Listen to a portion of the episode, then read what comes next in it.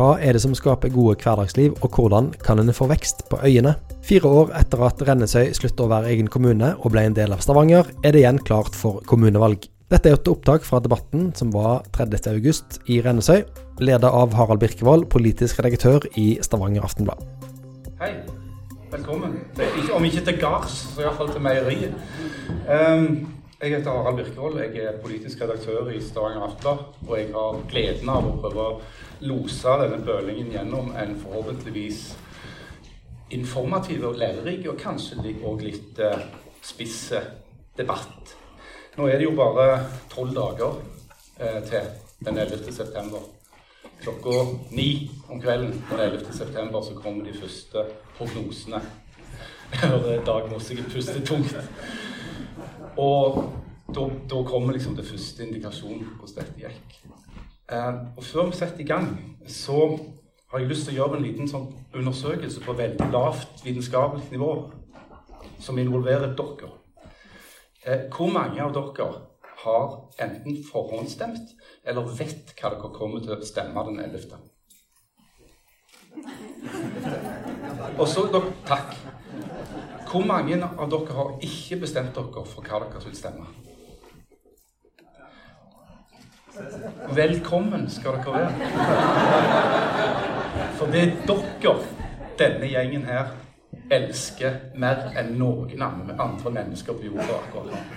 Det er deres stemmer denne debatten handler om. Det er deres stemmer, alt det ollet som denne gjengen her går gjennom hver dag fram til valget, handler om det er å få dere til å stemme på akkurat de.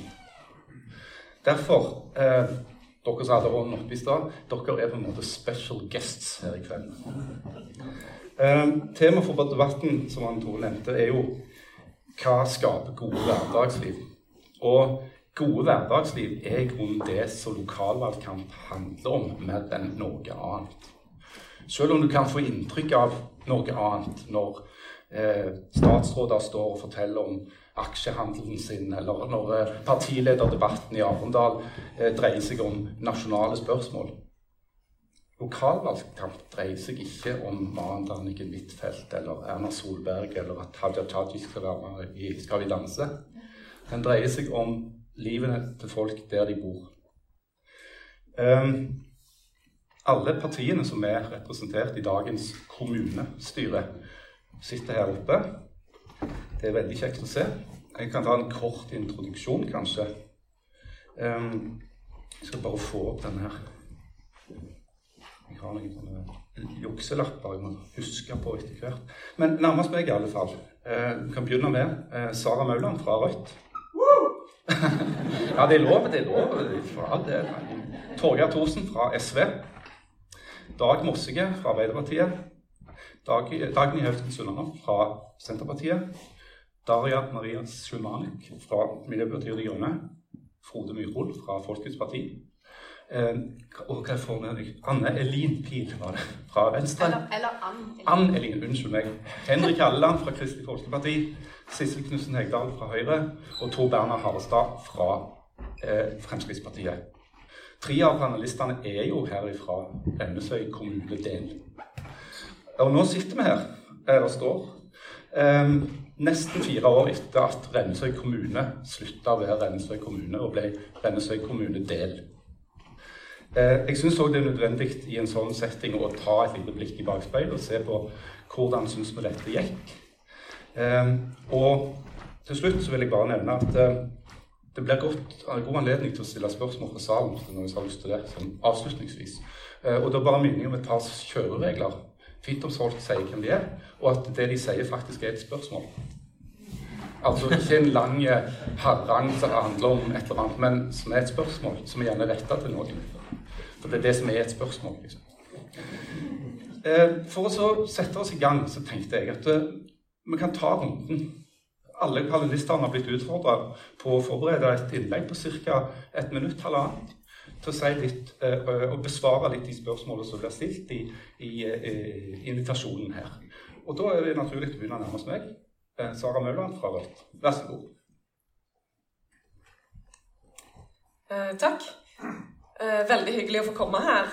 som Eh, som det ble nevnt, så er det jo ikke alle som sitter i dette debattpanelet som er fra Rennesøy. Eh, og noe av det viktigste vi skal huske på nå, er jo at Stavanger er jo ikke bare en bykommune lenger, det er også eh, en landbrukskommune. Og det må jo vi huske på når vi sitter inne i kommunestyresalen i Stavanger. Vi ble utfordra på å snakke om gode hverdagsliv, og da tenker jeg at noe av det viktigste er å ta vare på det som er bra i kommunen vår fra før. Vi i Rødt er opptatt av å ta vare på matjorda vår. Eh, vi, skal ikke, vi sier at vi skal ikke bygge ned, det er en verdifull ressurs. Men vi vil òg utvikle landbruket til det beste for bønder, for dyr og for miljø. Og vi er opptatt av at den lokale verdiskapinga som matprodusentene her står for, skal komme bøndene og det lokale næringslivet til gode, og ikke havne i lomma på de store eh, matvarebaronene. Eh, vi vil òg jobbe for lokale strømstøtteordninger til landbruk og det lokale næringsliv. og for det at Vi ser at høye strømpriser rammer ikke bare kraftkrevende industrier. Det rammer òg tomatbøndene i distriktet. Det rammer frisøren på hjørnet, det rammer den lokale matbutikken. Og det setter de hverdagstjenestene våre i fare hvis de små aktørene som skaper møteplasser og arbeidsplasser um, i, um, i, kommunen vår, står i fare for å måtte legge ned. Og særlig nå når mange allerede drev på små marginer og har brukt oppsparte midler under korona. Så det er viktig at vi får får kontroll på strømprisene og får på plass gode støtteordninger som faktisk legger til rette for at vi kan beholde butikken på Vikevåg og på Judaberg og alle de andre plassene, og der vi heller ikke trenger å reise langt for, for å finne de lokale tjenestene vi bruker i hverdagen. Og så tenker vi at Gode hverdagsliv handler også om å ha skole og barnehage i nærheten. Det handler om å ha eh, rett på sykehjemsplass når du blir gammel. Og det handler om at de tjenestene du trenger, skal være tilgjengelige uansett hvor god eller dårlig råd du har. Og Derfor syns vi det er viktig de grepene vi har gjort med å innføre gratis SFO i første klasse, med å innføre gratis trygghetsalarm og gratis buss. Fordi at uh, trygghet i hverdagen gir òg gode hverdagsliv. Takk. Takk skal du ha. Du gikk var Du gikk bare åtte sekunder over tida. Det var veldig, veldig bra. Um, jeg skal minne meg selv på at hvis noen går over tida, så skal jeg begynne å lage en liten lyd. Uh, vær så god, Sosialistisk Venstreparti. Først vil jeg få takke for invitasjonen til å komme ut til de grønne øyene. SV ønsker å beholde de grønne øyene grønne. Vi ønsker å ta vare på det unike samspillet mellom landbruk og naturen som dere har her ute på Rennesøy. Og Da tenker jeg spesielt på det nettverket av turstier som dere har klart å lage på øya, og som knytter eh, kulturlandskapet sammen med naturen på en fantastisk måte. SV ønsker å ta vare på naturen og matjorda. Og vi ønsker å sikre alle tilgang til rekreasjon i grøntområder og friområder. SV ønsker at alle innbyggerne skal kunne leve gode, trygge liv. Vi mener at universelle ordninger er bra de er bra for alle, men best for de som trenger det mest. Derfor har vi gått inn for gratis SFO, billigere barnehager, gratis skolemat, gratis trygghetsalarmer for alle, ikke behovsprøvde. SV er et parti for de som ønsker at alle skal få ta del i fellesskapet, uavhengig av økonomi og sosial situasjon. Og vi ønsker å ta vare på jord og naturen vår, sånn at våre barn og barnebarn skal kunne arve en klode i best mulig stand. Takk. Takk skal du ha. 1 minutt og 24 sekunder. Veldig, veldig bra. Vær så god, Dag Mossige fra Arbeiderpartiet. Takk for det. Skal du høre meg? Ja. Av og til er jeg ikke sikker på om det er lærerstemmen eller om det er mikrofonen. Eh, takk for invitasjonen. Rennesøy har gjort Stavanger større på alle mulige måter. Jeg tenker først og fremst for folka her, og hva de gjør med livet sine. Vi har blitt en hav- og landbrukskommune, og da hviler det jo et stort ansvar på oss politikere. Som det nylig har vært sagt i en veldig fin film om Rennesøy, åpna kjøleskapet, og veldig mye innholdet det kommer herfra. Vi måtte tenke nytt om næringsliv. Vi har satsa stort på landbruk og havbruk. Havets Hus på Ørlandhaug med 200 startup-selskaper. Det har kommet 10 000 arbeidsplasser på to år, de fleste i privat sektor. Mulighetene er enorme. Vi har dedikerte ansatte som jobber kun med dette i kommunen. Vi har ansatt bygdeutvikler, og vi tar vare på jord og fjord. Arbeiderpartiet og samarbeidspartiene har satsa stort på helse og skole, og vi så nettopp til Rennesøy og har levert bedre grunnbemanning og husassistenter her og i hele byen. Vi har lært veldig mye av skolene og barnehagene her. Vi skal bygge omsorgsboliger og nye typer boliger for eldre, ikke en kommersiell demenslandsby. Vi har SFO gratis i første klasse, og det tar nesten alle. Vi sier ja til skolemat. Selv om flere partier her er imot, er skolematen særdeles populær for fellesskap, gode matvaner, ro i klassen og folkehelse, og den forsvinner med et politisk skifte. Turisme har tatt av i byen, og mye pga. dere òg. Det er en enormt viktig næring. Utsteinkloster hotell, Fjordbris Sjøberg feriesenter. Tør å svinge av E39, som det heter.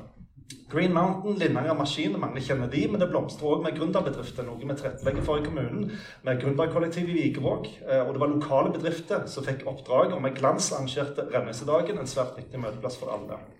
Vi er stolte av frivilligheten i Stavanger. Vi lærer dere Rennesøy finne et turlag, legger ned enormt med dugnadstimer og lager fantastiske turer ute. Vi framsnakker Rennesøy overalt. Så selv jeg er fra Jæren og jeg kjenner Tya her inne, det er driftige folk. Vi vil gjøre noe, så da gjør vi bare gjøre med noe, hvis vi vil det. Så jeg håper dere har følt det samme for oss de siste fire årene.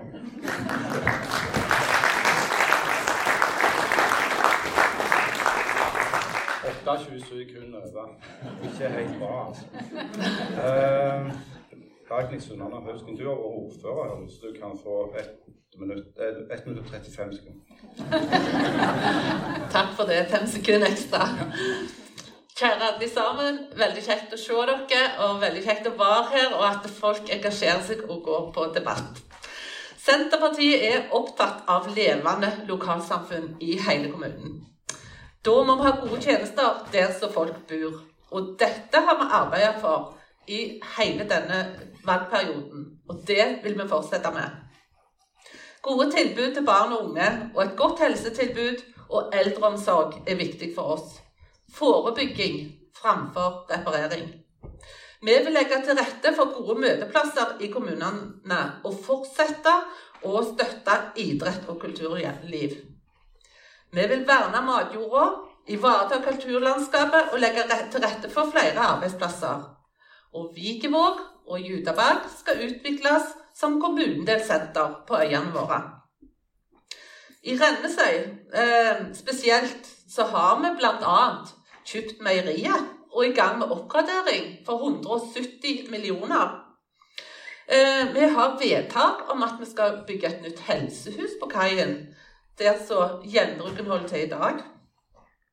Vi har sikra korttidsplassene på sykehjemmet vår vi har sikra tannlegekontoret, og vi har sikra gjenvinningsstasjonen på Hausken. Vi har sikra finansiering av gang- og sykkelsti fra Sokkenbom til Åmøy kapell med kommunale midler på en fylkesvei. Eh, ellers så er vi nå i gang med å rehabilitere kunstbrakersbanen på Vikevåg, og vi har gitt betydelig støtte til Hestesportsenteret. Vi er veldig glad hvis vi får deres stemme og deres tillit til å være med og styre Stavanger i året som kommer. Takk.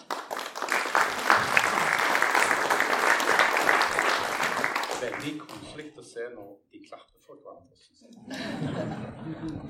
Det er noe litt sånn fint på norsk med det. Daria Marie eh, fra MDG, vær så god. Tusen takk. Eh, MDG fikk hele 19 stemmer fra Rennesøy kommunedel i 2019. Jeg er her for å håpe at vi kan få litt flere. For akkurat som Senterpartiet er MDG òg opptatt av å ha gode tjenester nært folk og et levende kommunedeler.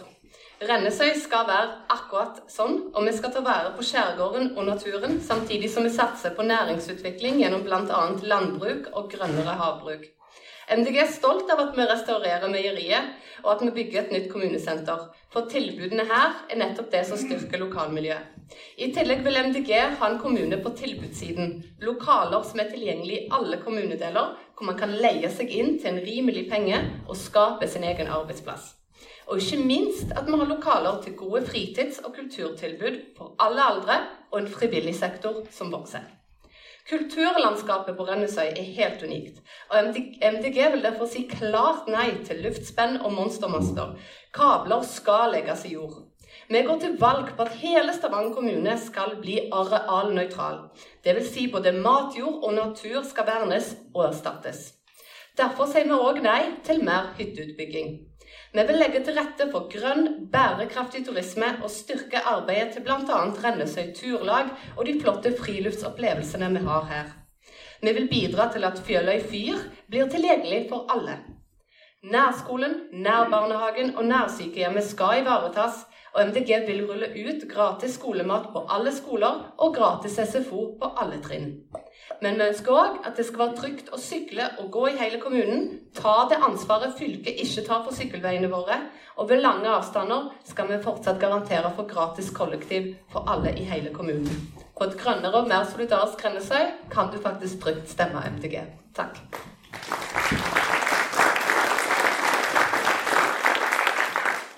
Frode Myrhol, Folkets Parti. Takk for det. Uh, selv om jeg starta min politiske karriere i et parti som heter Folkeaksjonen Nei til mer bompenger, så er jeg i utgangspunktet en politiker som sier ja. Uh, vi har hatt uh, en hel rekke saker fra Rennesøy i denne perioden. Reguleringssaker. Jeg har sagt ja til alt. Jeg ønsker å bidra til utvikling på Rennesøy. Gode initiativ de skal han si ja til, de skal han ikke si nei til. Da trives innbyggerne. Da skaper han utvikling, han skaper næringsmuligheter, han skaper jobber. Nå er jo jeg jobba i lag med disse og sittet i posisjon med disse i fire år, så alt de har sagt, har vi vært med på. Det de ikke har vært veldig mye innom, det er jo eiendomsskatten, som dere på Rennesøy ikke hadde før dere gikk inn i Stavanger kommune. Den eiendomsskatten har aldri blitt redusert tidligere, siden den eiendomsskatten ble innført i Stavanger i forrige århundre. Med en gang vi hadde muligheter til å gjøre noe med eiendomsskatten denne perioden, så satte vi ned betalingssatsen for næringseiendom fra 4 promille til 2,3 promille vi satte ned betalingssatsen for bolig og fritid fra 3 promille til 2,3 promille. Samtidig satte vi opp eh, bunnfradraget fra 400 000 til 625 000. Året etterpå satte vi opp bunnfradraget fra 625 000 til 825 000. Det har vi tenkt å fortsette med. Nå er det mange andre som kommer til å si at eh, de ønsker å redusere eller fjerne eiendomsskatten, men de har ingen kredibilitet på det, for de har aldri gjort det. De har derimot satt den opp. Vi har aldri satt den opp, vi har kun satt den ned. Ferdig? Det var halvveis. Men det er hvis du katter på så har du gående. Pil venstre. Vær så god. Takk. Hvis dere ønsker en kommune som lytter til lærerne i skole og barnehage, så må dere stemme Venstre. For å få opp motivasjonen i skolen så må en faktisk starte med nettopp lærerne. Lærere har utdannelse ikke bare innen de fagene de underviser i, men òg pedagogikken. Eh, så vi må lytte til dem, for de har faktisk peiling på det de driver med. Vi kan ikke bare tre ting over hodet på dem og si 'gjør sånn og sånn'. Venstre vil bl.a. gi lærerne bedre tid til elevene, tid til å planlegge gode undervisningsopplegg. Dette gjelder både skole- og barnehagelærere. Hvis dere ønsker en kommune som er opptatt av natur og klima, så må dere stemme Venstre. I kampen natur mot menneske så har naturen en lei tendens til å tape. Et eksempel er disse monstermastene, eh, som flere har vært inne på. Heldigvis er det brei politisk enighet om at de må i jord. Det fins ikke et annet alternativ. Eh, vi trenger et bedre strømnett, men vi må faktisk tenke på naturen. Eh, Venstre har òg vært si, påkjemper for kollektiv, kollektivløsningen hjem for en 50-lapp her i Rennesøy kommunedel. Eh, jeg nekta å bytte adresse før den var innført. Det fikk jeg til. Men jeg vil kjempe videre for enda bedre kollektivløsninger i Rennesøy kommunedel, for de er ikke bra nok. Helse er viktig for både gammel og ung. Det å sykle er vanvittig bra for den fysiske helsa, og ikke minst balansetrening. Men for at alle folk skal våge å sykle, så trenger vi sykkelstier. Venstre ble nylig kåra til av Rogaland Sykkelforening. Altså, vi ble beste parti. Stem Venstre. Takk.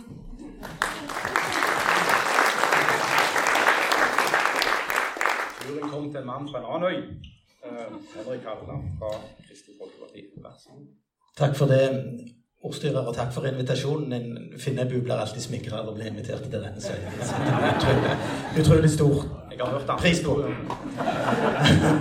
Ja, eh, nå er det sånn at KrF går til valg på tid til det viktigste. Det er det vi ønsker å snakke om. Og hva er så det viktigste når en kommune skal utforme sin politikk? Jo, det er skole. Nå er det sånn at eh, Skolene i Rennesøy og skolene i Finnøy har hatt en overgangsordning når det, gjelder, når det gjelder penger tilført til skolene, som jo vil forsvinne. Men til tross for den overgangsordningen så har det vært for lite. Det er utfordrende i forhold til en helt annen type klassedeling enn jeg har i Stavanger. Så det kommer til å ha fokus på. Der må vi nok gjøre noen grep, sånn at vi, vi sørger for at det blir bra. Så er det, når det gjelder helse, er òg det viktigste. Og jeg tror det viktigste er at dere kan få en garanti for at dere vil få sykehjem lokalt. Både sykehjem og omsorgsplasser hvis det skulle være nødvendig. Det er utrolig viktig, og det må på en måte vi som politikere sikre at dere vil få i framtida. Eh, så er det utrolig viktig med utvikling av Vigevåg. Jeg tror Vigevåg kan ta med Judaberg òg, men spesielt Vigevåg nå da, er jo helt avgjørende for å klare å få til en god utvikling i kommunedelen. Og det handler om at en må skape arbeidsplasser. Det er det som er helt avgjørende. Pendling er selvfølgelig en måte å løse ting på, men det er ikke nok. En må òg ha arbeidsplasser i Vigevåg. Og jeg tenker vi kunne kanskje hatt en diskusjon om kunne vi flytte kunne vi flytte kommunale arbeidsplasser ut til Vikevåg. Det er klart det går, men det er, en spennende, det er iallfall en spennende tanke. Og så er det noe med å få utvikle hele kommunen.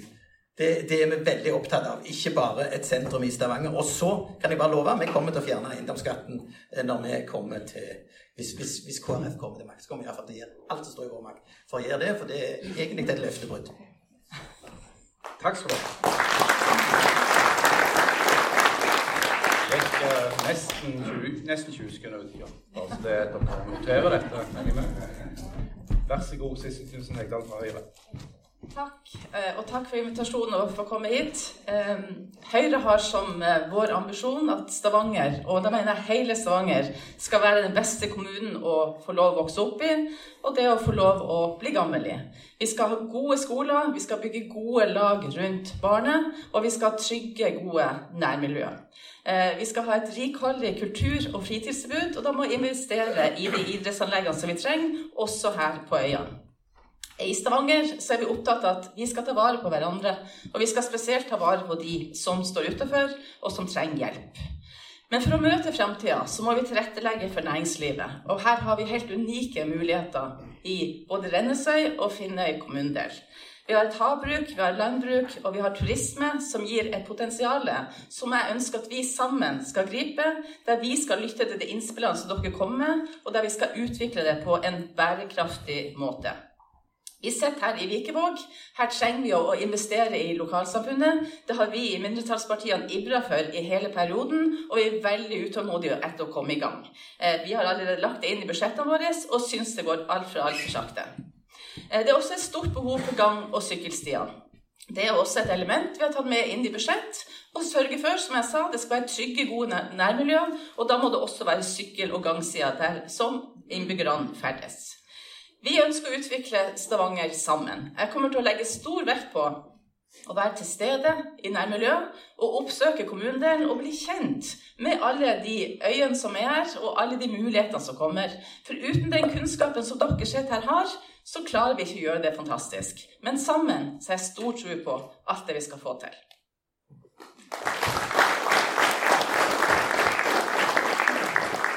Takk skal du ha. for billedlig tidsbruk. Helt til slutt, men slett ikke minst, Tor Berner Harstad. Han er òg fra denne øya, eller i hvert fall denne gamle kommunen. Uh, vær så god. Jeg vet ikke om dere hører meg eller gjør. Har du slått på den knappen? Jeg klarer meg uten mikrofonen òg.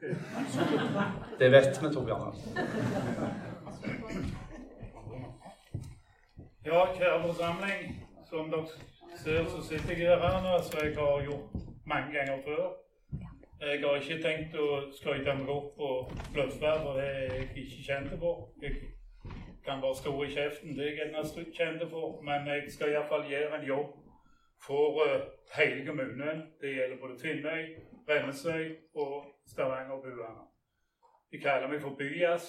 Ja, det kan godt være at jeg er Byas, men jeg har iallfall tenkt å behandle folk likt enten med Byas eller med Rennesøybu eller Finnøybu.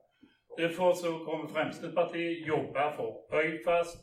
De kommer til å jobbe for at vi skal få bru til Vassøy, for å si det i rene ord. Vi kommer til å jobbe for å få en skikkelig infrastruktur. Vi skal ha veier. Infrastruktur er noe av det viktigste i hele samfunnet. Vi skal ha veier som kan komme fram. Jeg har vært med og vært fast uten å ha bruer og tunneler sånn som vi har nå. Det var helt forferdelig. Vi måtte, når jeg skulle støpe groen i huset hjemme, så måtte vi reie halve, for det var ikke plass til den andre betongbilen på ferja. For da måtte vi bestille. Så jeg vet hva det innebærer for de som ikke har fastlandsforbindelser. Så det kommer vi til å jobbe mye får framover. Samtidig så skal vi jobbe for eldreomsorgen, og det har jeg gjort i alle år i Rennesøy nå. Vært med og tilført i budsjettet ekstra penger til sykehjem, som jeg kaller det. Der hadde jeg en far som var, og han hadde det svært godt i denne sykehjemmet på Rennesøy nå. Og jeg håper og kommer til å jobbe for at de som bor i Rennesøyna og Finnøyna, skal få lov å være på sine egne hjemplasser. Det er en ting som jeg brenner for. Utenom så brenner jeg for motorsport. Som dere ser, så er jeg jo snart 70 år og skal begynne å kjøre speedway. Så, så jeg har gode ambisjoner. Jeg er jeg, for, jeg, har fått nytt giv. De spurte meg, jeg hadde fått masse gaten, spurte hva jeg hadde tenkt å gjøre nå.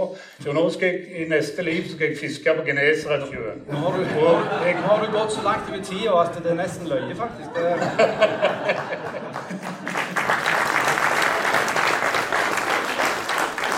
Takk skal dere ha, alle sammen. Jeg er veldig frista nå til Nei, jeg skal vente. Til slutt skal jeg spørre dere nemlig om hvor mange som har bestemt seg nå. Men vi tar det helt til slutt. Bare minn meg på det hvis jeg, hvis jeg glemmer. Hvor skal vi begynne? Jo, altså, vi har det vil Si Innbyggertorget og Sølvberget har vi også greie å bedt folk om innspill. Folk som, som, bor her i denne kommunedelen og, og kjenner, kjenner, det litt på kroppen. Vi gjorde den samme øvelsen på, på Finnøy i forrige uke. Og det er et par eh, spørsmål som går igjen. Det ene dreier seg om noe som en del av dere allerede har vært inne på. Planene om å bygge høyspentmaster over øyene. Det gjelder her i denne kommunedelen både Mosterøy bru og Pensøy. Eh, hva mener dere om det?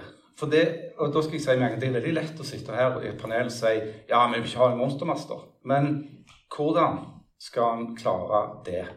Er det noen som har lyst til å bli utfordra på det? Eh, Dag Mossige, du representerer ordførerpartiet i Stavanger og har mye makt i eh, kommunestyret. Men har kommunestyret noe makt over det spørsmålet, egentlig? Altså, først og fremst har vi jo plikt til å skaffe strøm. Den må vi ikke glemme her. Eh, er jo, eh, jeg må si nei til nyetableringer. Eh, en krever mye her. og Eh, av og til er det sånn Jeg har sånn delt glede. Jeg er veldig glad i Green Mountain er her, men eh, de bruker jo like mye som resten av bygda det sammen. Eh, men eh, det vi har sagt hele tida, er at vi er villige til å se på hva vi kan eh, gjøre sjøl for å betale for det. Eh, vi har ikke gått ut lovt vi skal bare gjøre det. Det syns jeg er uærlig. Vi må ha en kostnad der. og det er ikke sikkert det er realistisk å kunne få de i jord over hele Rennesøy ønsker, og videre til Finnøy. Det kommer til å koste veldig mye penger. men først må vi ha en oversikt der. Vi har sagt vi skal være Vi utelukker overhodet ikke en uh, kommunalt bidrag. Men vi prøver jo òg altså Den uh, stortingsmeldinga som ligger til grunn her, er vel fra 2011, stortingsmelding 14 fra 2011-2012. Uh, da var det fokusert veldig mye på at, skulle, at du skal ha billigst mulig. Men etter det så har det vært en mye større forståelse for vern av kulturlandskap. Er det noe Rennesøy og selvfølgelig Finnøy òg har, så er det kulturlandskap. Så jeg tror det er en endring nasjonalt som vi presser på. Men for å konkludere, vi avviser ikke å, å komme med kommunale bidrag for å for ikke ødelegge det flotte kulturlandskapet her. Så det har vært veldig mye. Henrik Halland. Ja, eh, ja, nå er det jo sånn at Elnett har vært ganske tydelige til Stavanger kommune og sagt at hvis, hvis, dere mener noe med dette, at dere skal ta dette middelegget, så må dere komme på banen nå. For det er nå det skjer.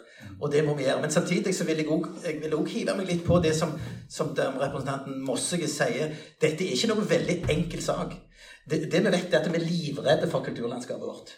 Det sier alle jeg snakker med. Vi, vi har, vi har opparbeidet dette kulturlandskapet. Det må vi ikke ødelegge. Og det er nok det vi tenker at vi kan gjøre med disse, når, hvis vi skal ha disse massene. Men det vi kjemper mot, det er jo faktisk et stortingsvedtak som sier at der så det kan gå i luftspenn, der skal det gå i luftspenn. Og de har vært kikket på disse øyene og sagt ser ikke at dere har så veldig mye bedre argument enn alle andre.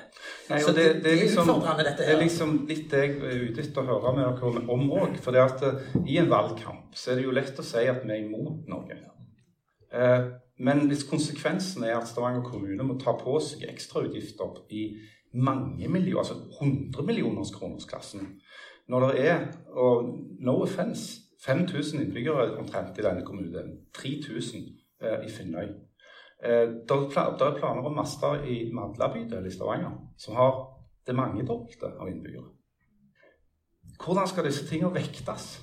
Det lurer jeg litt på. Alle har jo hånden oppe, men takk. Nei, jeg syns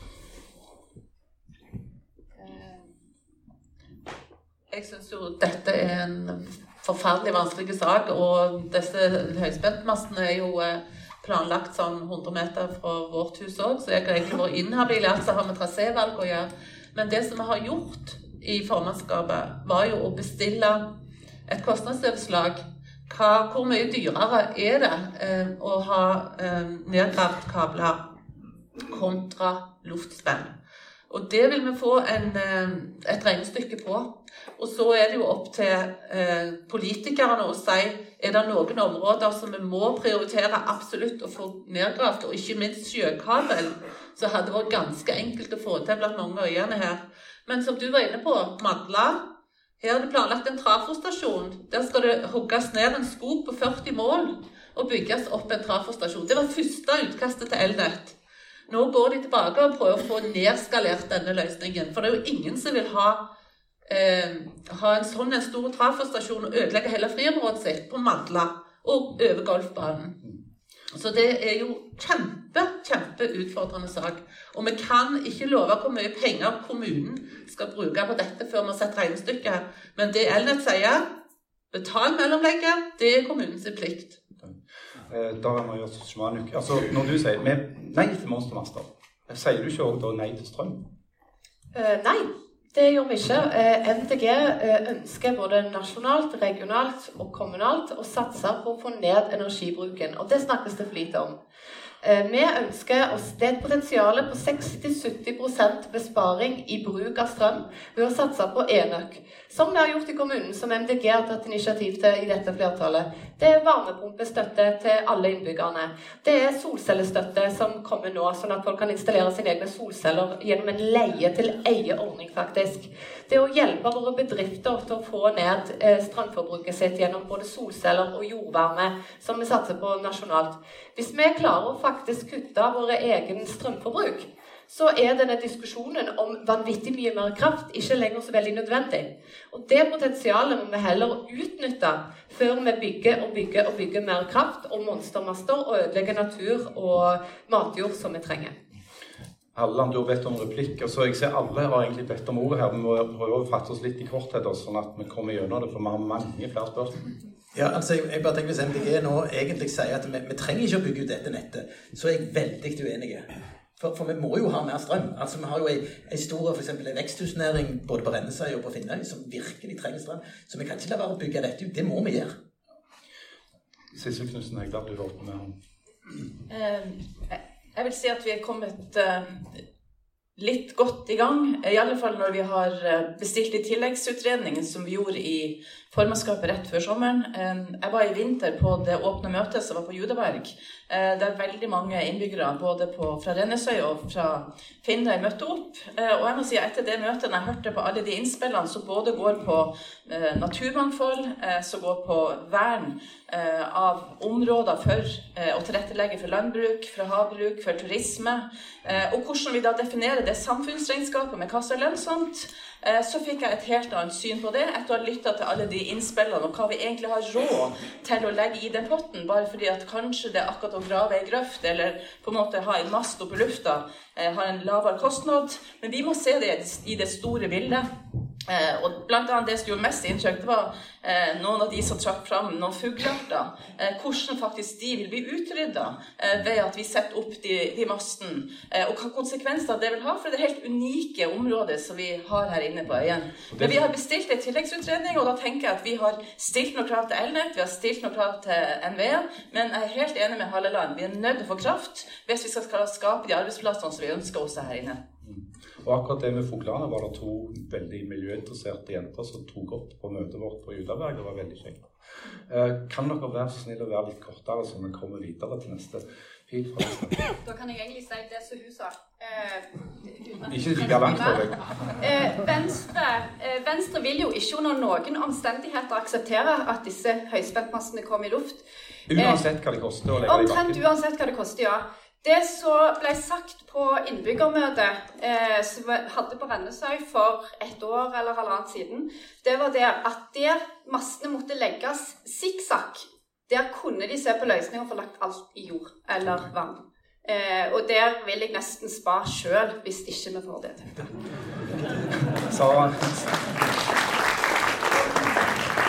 Sara Mauland fra Rødt, mener du òg at eh, de skal i bakken uansett hva de koster? Og gjøre det. Sett opp imot alt det andre kommunen trenger å bruke penger på. Ja, altså Når du sier det sånn, så er det jo vanskelig å svare. Men det er jo nesten sånn du må si Ja. det. For det er jo ikke en ubegrensa pott med penger. Det er ikke en ubegrensa pott, og det var egentlig det poenget jeg skulle fram til. At jeg tror vi sjelden har vært så enige om noe i formannskapet som at vi ikke ønsker kabler i luftspenn. Eh, og så er det egentlig det vi er uenige på, er taktikk i forhold til hvor tidlig vi skal gå ut og si at eh, kommunen kan være med og bidra. For det vi ønsker jo at staten egentlig skal ta regningen, og det er ikke rimelig at innbyggerne tar regningen for å legge kabler i jorda. For det er jo det som skjer hvis det er kommunen som bidrar. og da er det jo vi som er alle her som er med og betaler for det. Eh, Men så er det jo en elefant i rommet òg. Én ting er mangel på strøm og kapasitet i strømnettet. Men det er ikke bare det som hindrer etablering av næring nå. Det er jo også strømprisene. Og det er litt absurd at vi i vårt distrikt har de høyeste strømprisene i hele landet. Fordi vi eksporterer så mye strøm til utlandet. Sånn at det må man huske på at eh, diskusjonen her om eh, næring og særlig strømkrevende arbeidsplasser handler ikke bare om å bygge luftspenn. Det handler om Den har de lagt i bakken. Den til utlandet. Ja, som vi får det til. Det hadde de råd til. Det er mulig når vi bare, når vi bare vil. SV. Ja, eh, SV har et slagord. Nei til monstermaster. Ingen skal være i tvil om hva som er SV sitt utgangspunkt og inderlige ønske. Men samtidig så er vi jo der som alle er inne på, at eh, vi har heller ikke en svær sekk med penger, som vi sier. Bygg, eh, grav kablene. Men, så vi ønsker selvfølgelig òg, som alle andre, å få det til så langt det er økonomisk mulig. Og så håper vi at vi får det til. Men det som er litt dumt nå, er at ting går i litt forskjellig eh, hastighet. Fordi at nå har vi f.eks. på Finnøy, og òg her på Rennesøy nå, så skal det til å graves langs veiene. Omtrent i den traseen eller i den retningen som disse kablene naturlig bør gå. Og det er jo grevla tosje hvis det nå blir gravd og bygd flotte gang- og sykkelstier, asfaltert og pakket over, og så finner vi ut jo, vi skal grave ned strømkabler òg der. Det var veldig egentlig bra at du sa, for det bringer meg over på et annet tema som er en gjenganger. Altså, i, eh, i, på Judaberg så hadde vi, vi var på nippet til å ha kake og to minutter stillhet for å feire at det nå er 20 år siden eh, debatten om ny sykkelsti eh, ble lansert. Eh, fortsatt ikke løst. Eh, liten markering der. Eh, og samme greier her. Altså, hvor blir det av eh, sykkelsti fra Østhusvik til Vikevåg? Og flere sykkelstier over hele Rennesøy blir ønska. Det er flere innspill på det. Hvorfor tar dette så jækla lang tid? Frode Myrvåg, du var først. Ja, her er først, og heldigvis for det. Eh, dette er jo et eh, problem. Eh, men er det et kommunalt problem? Det er jo spørsmålet. Det er egentlig ikke det. Problemet ligger i fylkespolitikken, og problemet ligger med alle andre partier enn det partiet som jeg representerer, i fylkespolitikken. I fylkespolitikken så har de laga en samferdselsstrategi. Den strategien sier fylkeskommuner skal ikke bruke penger på verken, gang, nei, på verken på veier eller gang- og sykkelveier der det er mulighet for bompengefinansiering. Rennesøy og Finnøy er ikke en del av områder som drar nytte av Bymiljøpakken. Men Stavanger kommune kan ha bompengefinansiering. Det betyr at fylkespolitikerne ikke gir ei krone til Rennesøy og Finnøy for å bygge sykkelvei. Den eneste som stemte imot denne strategien, det var Folkets Parti. Vi sendte henne til inn en lovlighetskontroll. Vi visste jo selvfølgelig at den ikke kom til å komme noen vei. Men vi ønsket å sette fokus på dette problemet. Og her må politikerne i Stavanger røyse seg mot fylkeskommunen. For sånn kan vi rett og slett ikke bli behandla. Kan vi ende opp med sykkelstier med bompenger? Er det, er det, er det der du vil hen? Jeg har ikke sykkel, så det er helt klart. jo vi har jo virkelig prøvd ut via sykkelnettet i de årene vi har styrt òg, som en ser særlig i byen, da, men, men selvfølgelig her ute òg. Jeg, jeg har stor forståelse for mennesket der, men kortsvaret er jo at med, med dette er fylkesveien. Eh, vi har sagt oss villige til å betale legge ut på Finnøy, eh, og det skal vi selvfølgelig ikke avvise her. Men kortsvaret er jo at det er veldig mange plasser i fylket som ønsker gang- og sykkelsti. Eh, og da er det fylket sitt ansvar i utgangspunktet. Så det er veldig lett å si at kommunen skal betale for det. eh, og det, det skal vi aldri avvise. Eh, men det er det som er kortsvaret, at det er ikke utgangspunktet kommunens oppgave å, å betale for det. Eh, Tor Berner Harestad, i, eh, i time så tok de saken i egne hender og bare bygde den sykkelstien. Er det noe du har vært inne på? Eh, Tanke du har gjort deg sjøl? Jeg har iallfall ikke vært redd for hvor vi har gjort det. Det kan jeg bare si. Og det er snart den veien en må gå for å få til noen ting. Når de kan, Jeg sitter som formann i Fiskarlaget. Vi har en masse med saker som går på, på kabel i sjø. Nå har vi en kabel som kom fra Bergen til Green Mountain. Fra Green Mountain den la de ned nå i forrige uke da, fordi at de måtte gå videre for det var for harde bånd. Og det skal til Oslo. Altså, Hvordan kan det ha seg at vi har råd til dette, når vi ikke har råd til en statlig, altså i kommunen, og staten ikke kan klare dette? Når private kan klare det? Jeg, jeg faktisk ikke begriper dette systemet. Vi må åpne lommeboka. Jeg ser det er nokså lett når det er andre ting det skal brukes penger på i kommunen. Da er det bare å ta et jafs, 200 millioner, bang, klass med en gang. La vi ta opp 400 millioner. Så har vi masse, så slipper vi å slå oss to, da. Takk.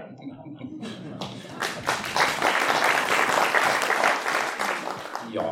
Altså, Er dette et spørsmål som ligner litt på det mastespørsmålet, lurer jeg på? Altså, er det sånn at ja, det er lett å sitte og være mot master for eh, gang- og sykkelvei, men det er mye vanskeligere for en representant i et kommunestyre å faktisk få det til å skje.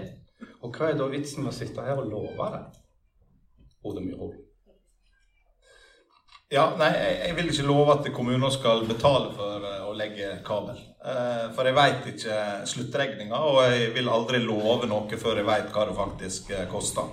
Men det er jo et lite paradoks da, at alle er, imot, alle er imot disse mastene, men alle er for eh, grunnen til at vi trenger så mye strøm. Og det er det grønne skiftet og den elektrifiseringa som nå vi ser rundt oss. Alle partier her er for eh, Parisavtalen, eh, bortsett fra Folkets Parti. Vi er litt eh, skeptiske til den. Vi føler at Norge kommer dårlig ut. Fått en dårlig deal. Men elektrifiseringa har gått litt for langt, og den har gått litt for fort. Og vi er ikke klar eh, for eh, å ta den kostnaden som den teknologien koster akkurat nå. Så der er vi eh, litt, litt skeptiske, og i alle fall ikke klare for å ta kostnadene. Det vil koste enormt for innbyggerne. Vi betaler strømregningene allerede nå, og vi får det også i det visuelle med disse mastene. Og Men nå var det ikke master vi snakket om, det var sykkelvei. Eh, Høsken, vær så god. Ja, jeg trodde, jeg, jeg trodde, jeg trodde vi var på, på gang- og sykkelstier nå, og jeg merker jo stor forskjell at vi blir på en måte dratt under samme kammen som Bymiljøpakken og på øyene her ute nå. Eh, og det er veldig tungt å få fylkeskommunale midler til gang- og sykkelstier. Vi hadde en hard kamp på Finnøy, men der har vi jo fått finansieringa på plass fra Nåd og til Judaberg. Delvis av kommunale midler, delvis av fylkeskommunale midler og delvis av restmidler av bompengene. For den var jo egentlig planlagt hele strekket der eh, med bompengefinansiering. Og hele, når den bommen ble fjerna før tida, så forsvant hele finansieringen for den gang- og sykkelstien. Og da måtte vi ta kampen. Hvordan skal vi få til dette likevel? Og vi har klart halve strekket. Eh, vi, har fått, eh, vi har måttet ta, ta ansvar for eh, trafikksikring over Åmøybruen og, og over hele Vestre Åmøy av kommunale midler på en fylkeskommunal vei. Så det er jo litt sånn spørsmål hvor mye skal vi bruke av kommunale midler på det som ikke er vårt ansvarsområde?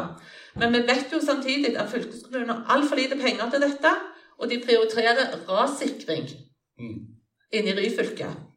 Så der går det masse Den store potten går jo på de fylkeskommunale veiene inn gjennom Ryfylke, som har veldig mye dårligere veier enn hva vi har her ute. Tor Berner Harestad og så Henrik Alland. Så må vi gå videre. Så vidt jeg vet, så er det klarert fra Sokenbom til Åmøybruna nå. Det skal være klarert å kunne å bevilge til, til å sette i gang. Og da mener jeg at da må vi iallfall ta de stykkene som vi har klar pengene til, og gjøre dette her. Anna. Det kan vel du svare for, Dagny, som har sittet i det le- ledende organ. Det har ikke jeg vært med på, men jeg har iallfall vært med på og stemt over alle de gode sakene som dere skryter sånn av at dere har fått til det. Vi har vært med med andre òg, vi var klar over det. Eh, Det skal du få svare kjapt på. Hva, hva skjer der? Eh, Det er altså fra Åmøybruna og til Vestre Åmøy kapell. Den er ute på anbud eh, nå, det prosjektet der. Og der er det kommunale midler. Og, og det skal legges inn i høp. Det er bestilt. I handlings- og økonomiplanen har vi fått et vedtak som sier at der skal det legges inn kommunale midler til å sikre eh, gang- og sykkelsti fra Sukken bom og over brua. Og det har vi jobba lenge for å få til, å si det sånn. Så jeg er veldig fornøyd med at vi har klart det, da. Sant? For det er jo ikke noe enkelt å skaffe penger til disse gang- og sykkelstiene. Det er ingen som har trodd det. Det er mange om beinet. Takk.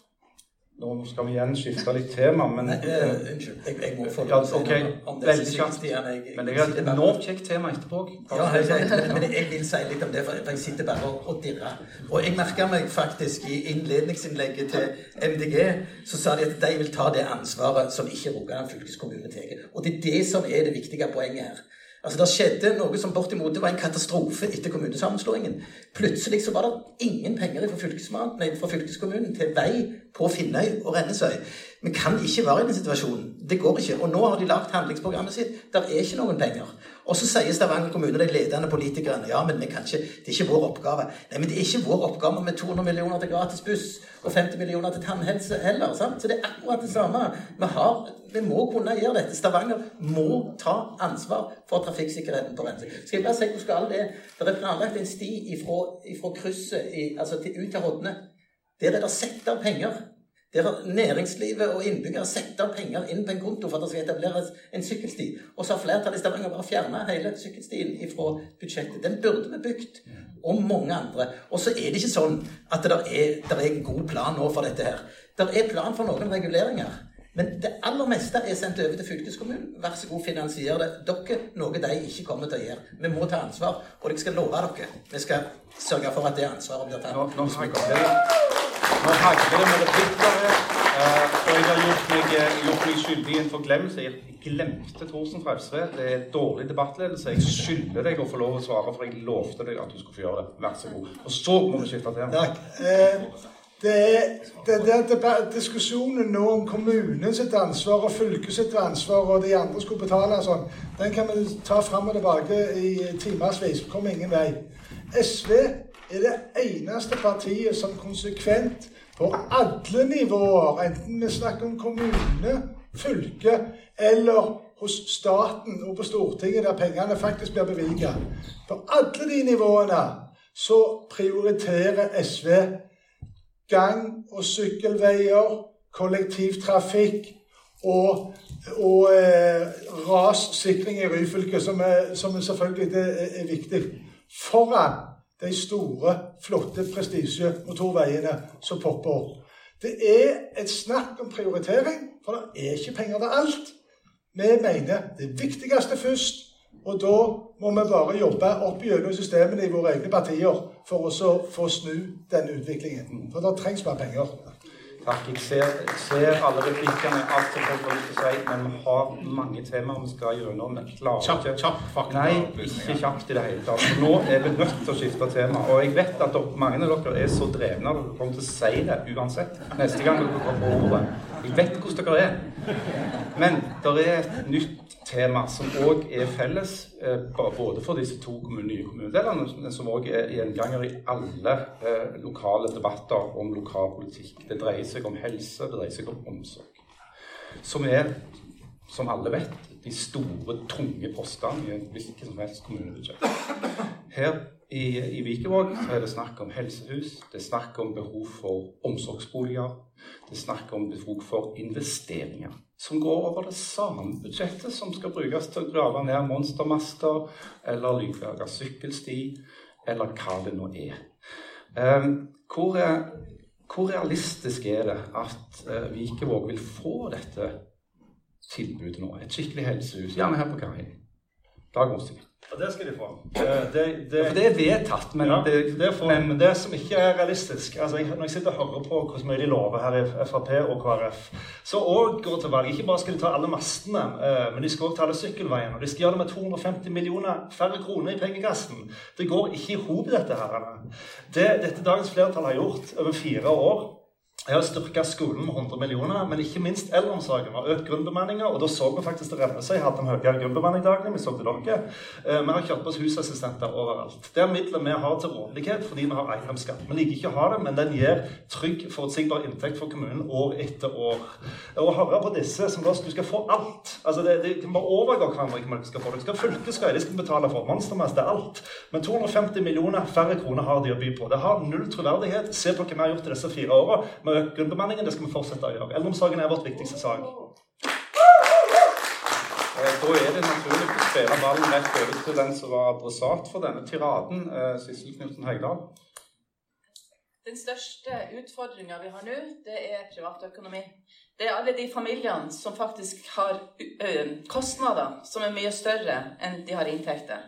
Og det må vi hensynta. Det må vi som kommune faktisk klare å se. At kommunen tar inn en eiendomsskatt, og vi setter rett på sparekonto. At ikke ei krone av det vi tar inn i eiendomsskatt, så går til helse, velferd eller skole. Det går rett inn til sparekontoen for at noen politikere tenker at de er bedre til å prioritere enn dere sjøl. Det tenker jeg er feil. Jeg ønsker at dere skal få beholde den inntekta sjøl. Jeg tenker at dere er bedre i stand til å treffe valg med hva som er rett for deg og din familie, enn vi som sitter her oppe. Og da må vi holde de kostnadene nede. Og det er ikke snakk at vi på borgerlige sida skal love alt. Hvis du ser hva som er lovt her, med gratis skolemat, gratis buss, gratis SFO, gratis det meste, så har vi en ansvarlighet i vår økonomi til å si at vi ønsker å hjelpe de som trenger det. Men vi har også universelle ordninger som barnetrygd, som fritidskort. Sånn at det er ikke sånn at enten-eller. Men når vi må prioritere, så vil jeg hver dag herfra frem til jul og neste år òg prioritere de familiene som sliter. De som har utfordringer, og ikke de som tjener to millioner. Og vi har ingen ordninger der vi har universell løsning på alt. Vi har en ordning som FSFO. Vår løsning er å hjelpe de familiene med dårlig økonomi. Deres løsning er å hjelpe alle på førsteklassetrinnet, men de som har dårlig økonomi, må betale det sjøl på de andre trinnene. Og det er feil. Men, sånn at vi har men, ulike ordninger. Hva med helsehuset på Likevold? Det var det vi egentlig snakket om nå. Jo, men så ble jeg jo utfordra. Ja, da måtte jeg få lov å svare på det som var forrige, forrige innlegg. Eh, men helsehuset, ja selvfølgelig skal vi ha et helsehus. Eh, og det, det syns jeg litt eh, det som Tor Berner var inne på. Det er veldig mange av de her vedtakene vi har stått sammen om. Og det må vi være flinkere å fremheve. fordi at F.eks. utvidelsen av sykehjemsplassene på Judaberg Enstemmig vedtatt. Eh, helsehuset som ligger inne i planen her, enstemmig. Vi alle sammen ønsker å få det på plass. Og så er jo spørsmålet hvordan skal detaljene være? Hvordan er innholdet i det helsehuset? Og der kan være ulike løsninger. Men alle ønsker det. Mm. Men jeg er sikker på at det som mange her i på Rennesøy og i Vikevåg lurer på, er faktisk når kommer de til å bygge det? liksom? Altså I stedet for bare å snakke om det. Ja, men det er der det er en forskjell. For vi har jo faktisk hatt det inne i budsjettet vårt. Mm. Og det har ikke flertallspartiene. Sara Mauland. Ja, eh, Nå har vi jo endra praksis med hvordan vi budsjetterer, med at vi ikke legger den type prosjekter inn i budsjettet før vi faktisk vet hva det vil koste, i stedet for å bare tenke på et tall og så justere og justere etterpå, eller utsette og utsette fordi vi tror vi ikke har råd. Så helsehuset vil bli bygd. Eh, og så vil jeg bare si til det med eiendomsskatt. Det er veldig veldig misvisende når Høyre sier at dette er penger vi tar inn som vi ikke trenger. Dette er penger vi tar inn som vi budsjetterer med. Vi bruker de fordi vi vet nøyaktig hvor mye vi tar inn i eiendomsskatt på begynnelsen av året. Så de pengene får vi planlagt, og vi får brukt. Det vi, ikke, det vi, ikke, har kontroll på, er jo de andre skatteinntektene. At, og det er det som har skapt store overskudd de siste årene, som vi ikke har fått brukt, som da går inn på sparekontoen vår. Fordi eh, regjeringen har bomma på skatteanslaget i sitt statsbudsjett, og dermed har alle kommunene òg hatt eh, feil tall når de har lagt sine budsjetter. Sånn at det er ganske skummelt å ta vekk eiendomsskatten og tro at vi i all evighet vil ha de samme gode, forutsigbare inntektene fra den andre skatten. Eiendomsskatten er den eneste skatten vi bestemmer sjøl, og det er den eneste inntekten vi òg som sagt vet hvor høy blir på begynnelsen av året, sånn at vi faktisk kan budsjettere med den og få brukt den. Takk. Ja. Så Bernhard Harestad, du er jo òg en varm tilhenger av skatter og avgifter. Eh, jeg kan iallfall si såpass mye at eh, hadde det ikke vært for at vi ble lovt at det ikke skulle være eiendomsskatt i Stavanger kommune, så hadde vi ikke vært der i dag. Det kan jeg bare si. For det var en del av årsaken til at Rennesøybuen stemte for Stavanger kommune. Og det er litt av årsaken til at jeg sitter her nå. Jeg skal være med og få vekk den skatten der som har vært med og dratt de oppi. Så langt kan jeg si. Dagens Hausken, eh, ble Rennesøybuen lurt til å tro at de ville slippe eiendomsskatt? Ja. Ja. ja. De som har lovt at Rennesøybuen skulle slippe eiendomsskatt, og sier at dette er et løfte, de lyver. Og Rennesøybuen ble lurt. For det står ikke det i intensjonsavtalen. Jeg kan godt lese opp det som står, så vi får avklart det en gang for alle. Eh, og det er jo et eh, punkt her så En endring av eiendomsskatten må vurderes. Endring i inntektsgrunnlaget til den nye kommunen kan påvirke tjenesteområdet Dersom det blir eiendomsskatt i en ny kommune, til, vil Rennesøy og Finnøy få fritak i områder som ikke er utbygd på bymessig vis. Områder som er utbygd på bymessig vis i Rennesøy og Finnøy, vil få en lavere sonefaktor enn i sentrale deler av Stavanger. Dette er en intensjonsavtale. Det er et mål å jobbe mot. Men det er jo og det er ulovlig å unnta noen kommunedeler for eiendomsskatt når vi har det i hele kommunen. Opptil flere replikker. Hadde du òg noe plikt, eller var det et innlegg? Det var egentlig en replikk til Sissel Hegdal Knutsen for lenge siden. Okay. Men eh, nå blir det jo et lite innlegg, egentlig. Eh, men jeg kan ikke jeg, kan, eh, jeg er nødt for å si det. For når Sissel Hegdal Knutsen og høyresida snakker om at de skal hjelpe de som har det så vondt og trenger det mest, så snakker de kun om de som sitter og eier egen eiendom. Mens de ordningene som vi har satt i gang i de siste fire åra, med gratis SFO, gratis skole, øh, skolemat, gratis og billigere barnehager, gratis kollektivtransport, som de flåser og ler ja, det kommer alle til gode. Til og med de som ikke eier egen eiendom. Begynner bare å ta stuen her. Dag Mossige, så er det Daria, så er det Tidligere innlegget som tirade, og det er for så vidt riktig òg. Men jeg blir ganske engasjert når det, er uredelig og redelighet. Eh, og det ene er å love alt det en har lovt tidligere uten å ha pengene til det. Det andre er når en sier at vi har at vi brøt en avtale, og at vi kunne ha, uh, ha latt Rennesøy ikke ha eiendomsskatt. Dette var til behandling i kommunestyret i 2019. Det var min, mitt partis intensjon å stå med at det ikke skulle ha eiendomsskatt. Eh, administrasjonen var knalltydelige på at dette var juridisk ikke mulig.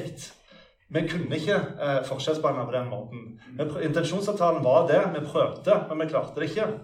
Det hadde ingenting med vilje å gjøre. Så Vi har ikke ført noen på lyset. Men jeg registrerer på borgerlig side så forteller de at vi har løy om at brutt løftet. Det er en fullstendig usannhet. Gå inn og se saksdokumentene. Ikke tro på meg. Gå inn og se streaming av møtene. Kommunedirektøren og administrasjonen var knallharde på at dette går ikke.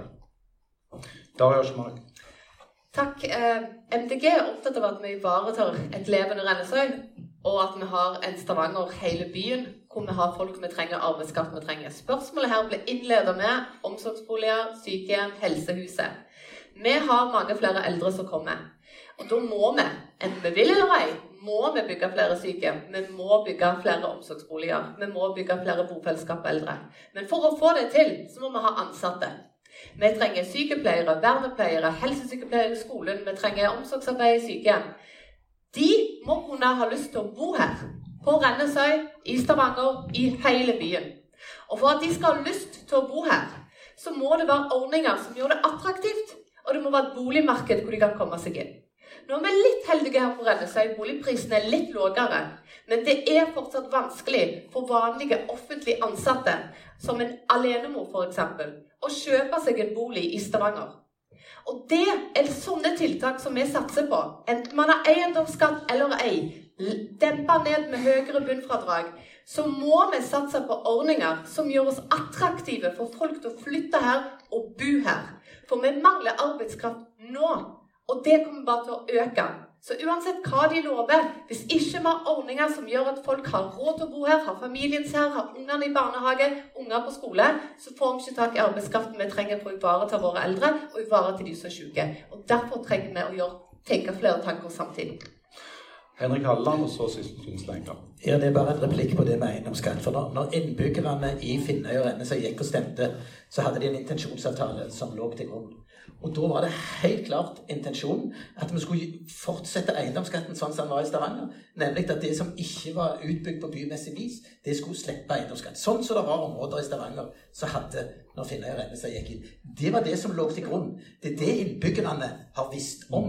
At det har skjedd noe annet etterpå, det har egentlig ingenting med saken å gjøre. For det er tross alt de som sitter her, som er avgjørende. Og de kan bevitne at det sånn var. Det er det de har lest når de gikk og stemte ja. ja og jeg tror de som sitter her òg fortsatt lurer på hvordan det blir med det helsehuset. det, det lurer iallfall jeg på. Uh, Sissel Knutsen Egdal, og så skal Frode Myhrvold få ja, jeg må, jeg må, få lov å svare på replikken fra SV. Fordi at eh, SV skryter at vi har igangsatt gratis buss. For det første så sitter vi jo nå i en kommunedel som ikke har buss. Eh, så det betyr at eh, istedenfor å bygge ut det rutetilbudet og sørge for eh, at alle i Rennesøy kommunedel har et eh, kollektivtilbud, eh, så har vi altså gratis buss i byen. Og det som var viktig når den saka kom, det var jo at det er ikke vurdert om det er sosialt utjevning med gratis buss. Nå har vi brukt 26 millioner bare på første måned uten at vi vet at det treffer de som har dårlig råd.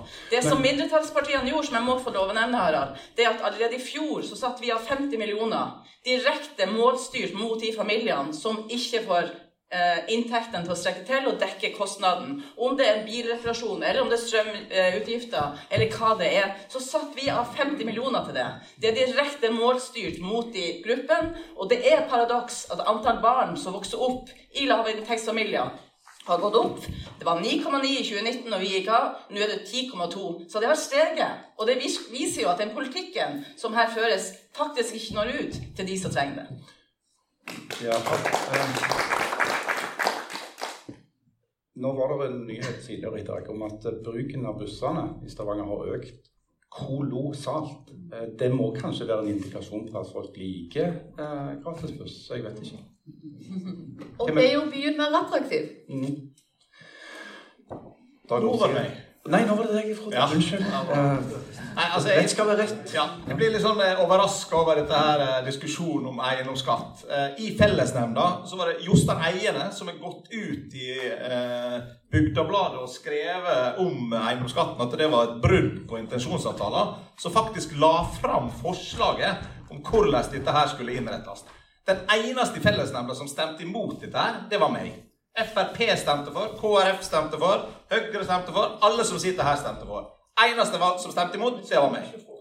Så må jeg bare få si noe om dette her med disse gang- og sykkelstiene jeg først har ordet. Eh? I, i møte i møte i Samferdselsutvalget etter at vi hadde greit å grene oss til at fylket skulle ta 15 millioner av regninga, så sånn så sa Samferdselsutvalget ja til å bruke 125 millioner på en gang- og sykkelsti i Hå. De har penger, men de ønsker bare ikke å bruke dem i Stavanger. Dette er også et fylkestingsvalg. Oppfordringa mi er kryss folk som kommer fra Stavanger, så kan vi faktisk kanskje endre på den politikken som fylkeskommunen gjør, der de neglisjerer Stavanger kommune totalt. Jeg har lyst til å gå litt inn for landing, men Tor Werner Harstad, du har bedt voldsomt om ordet. Dag Mossig har bedt om ordet. Dagny har bedt om ordet. Så ja. Det var jeg har bedt om ordet nå. Dette her er helt urettferdig, det han sitter og sier. Jeg har sittet så langt ifra Cecilie Bjelland når hun skrev intensjonsavtalen. Det er pure bløff, hele greia. Jeg har vært 20 år i Arbeiderpartiet, og noe av dette er årsaken til at jeg har trukket meg ut derifra. Vi kan ikke være i et parti som bare vas med. Det går ikke an. Og det kan jeg bare si med en gang når det gjelder dette med eiendomsskatten. Den skulle vi ikke ha. Og det han Jostein Eian har skrevet, og dette her som Frode Myrhol eh, prøver å protestere på, det er helt riktig det Jostein har gjort. Og når det gjelder Frode, så sa han det at han hadde sagt ja til alt i jobb. Ja, han har sagt ja til alt. Han har sagt ja til eiendomsskatt, han. Og det har vi på video. Men igjen, igjen er jeg veldig frista til å spørre hvordan leser vi det helsehuset egentlig, da? Eh, var Mitt, mitt spørsmål, da, kan du si. Eh, De på venstre, du har bedt om ordet, ja, mange har. Alle har. Vær så god. Ja, kjør på. Eh, Jeg merker at jeg ikke er profesjonell politiker, ja. Eh, Men helse, det er viktig. Eh, Jeg, dette jeg ble helt varm i hodet. Unnskyld. Venstre mener at gamle folk de må få lov å bli gamle i nærmiljøet sitt. Noen ganger er det viktig òg, da, kanskje, for å få lagt til rette, at en faktisk får hjelp av det private. Og så vil jeg bare komme med en liten til, for jeg lever så lenge jeg lever. Men eh, var det fullt på buss nummer 10 òg? Og hva med 33 og 34? Og bussen som ikke går til Åmøy, hvordan var det med den? Er Stappfullt. det stappfullt der òg? Ja. Det er jo ingenting som følger av en du sier går. Eh, Morsik. Det er liksom, hvor, skal, hvor skal han begynne? Det var, Begynn med helsehuset. Ja, det, der ligger det penger til studier. Eh, og så snart eh, kostnaden Sånn budsjetterer. Snart han da har funnet ut hvordan kostnadene er, som Sara var inne på, så legger han inne det. Så det, det kommer. Det garanterer vi. Du kan stole på Arbeiderpartiet her. Vi har satsa enormt på helse de fire årene. Vi kommer til å gjøre det videre. Køen til sykehjemsplasser nå den er historisk lav. Den var fire ganger så høy når Høyre styrte. Men eh, igjen, dette handler om arbeidsplasser og næring. Vi har i Arbeiderpartiet satsa enormt på eh, landbruk og havbruk. Vi bruker veldig veldig mye midler på det. Vi har dedikerte ansatte i kommunen nettopp fordi vi er en kommune som, som, er, som har så mye mer bein å stå på, takket være Rennesøy og Finnøy. Så vi har, vi har en track record eh, av at vi setter de næringene som er store her, høyt. Og vi har dedikerte kommunale, hjelpere, og at det er mye de har gjort i denne perioden. For først, ja, du, du skal dele, men du skal skape først. Her har vi skapt 10 000 arbeidsplasser, hjulpet til på to år. Eh, inntektene må komme fra en plass. Og vi kan ikke bruke mer enn hva vi har. Særlig hvis du er fra Frp og KrF. Nå må vi skifte tema igjen. Jeg vet det er mange som brenner inne med ting, men sånn er det. Eh, før vi slipper til publikum, for jeg vil gjerne at folk eh, kan få lov å stille spørsmål. Jeg vet òg at det er en mikrofon en eller annen plass noen kan finne fram, helt sikkert. Eh, to som ikke om ikke ja-nei-spørsmål, så iallfall noe som dere alle sammen kan få lov å rekke opp en hånd på. Eh, Det ene eh, er ganske rett fram, egentlig. Altså, det var en periode snakk om å legge ned avfallsmottaket på Hausken. Sånn at folk på Rensøy må kjøre land og strand rundt for å få heve rapen. Eh, hvem av dere er beredt til å si at dere kan garantere at avfallsmottaket på Hausken ikke blir lagt ned? Ja, modig.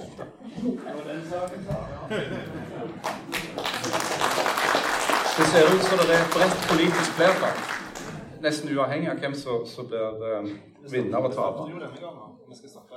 Ja. Det andre eh, er mer sånn Jeg vet ikke helt hvor dette ligger hen. Men hvem liker ideen om å etablere kolonihager på Rennesøy? Sånn at folk kan dyrke mer egen ting?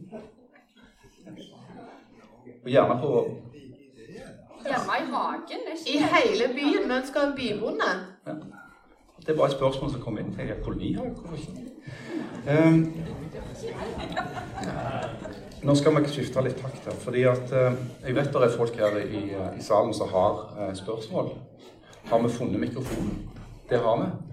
Uh, jeg ber om at de som har spørsmål, eh, forteller hvem de er, eh, og stiller et spørsmål. Ikke har en forelesning. Her er det iallfall to oppe med en gang, så vi skal bare finne fram mikrofonen. Tre. Men det ser jeg opp til deg. Du ser hvem som har hånda oppe. Hei, Sølvi her. Spørsmål til alle sammen. Eh, to stykker. Først Monstermastrene. Green Mountain har fått lov av Elnett til å forbruke, øke forbruket sitt mer enn det alle som bor i denne kommunedelen gjør. Er dere forberedt på å si at Green Mountain må være med og betale regninga for jordkabel? Og så skole. Hva vil dere gjøre for å endre tildelingsmodellen for skole, slik at barneskolene i denne kommunedelen og i Finnøy får håndterlige rammer? Takk. Eh, Vil dere ta oss og samle litt opp, eh, sånn at vi får tatt stilt noen spørsmål, og så kan vi samle litt opp og besvare det ut? Er det en grei måte å gjøre på? Ok, da kan vi gå videre. Jan Mikael Hanasand. To, to spørsmål. Det gjelder Er Stavanger kommunestyre, får jeg si, på tvert, villige til å være med og se på en forskuttering i forhold til gang- og sykkelstier? Jeg vet Stavanger har aldri prioritert fylkestinget, det vet jeg av egen erfaring. Men jeg tror de gjør det mer nå. Og så stor kommune har en større mulighet å påvirke. Og da kan en være med på ikke også måtte ta regningen sjøl, men å være med og ta forskuttering på fylkesveiene, til dels i Rennesøy. Er så dårlige og så risikosport at folk kan snart ikke gå langs veien. Det gjelder flere strekk. Og asfaltkantene de smuldrer opp på grunn av tungtrafikk. Så her trengs det noe. Og jeg stiller spørsmålet slik sett til deg, Dag Mossige. Er dere beredt til å være med på en slik en deal? Takk. Du var oppe med noen der òg, ja. To stykker der.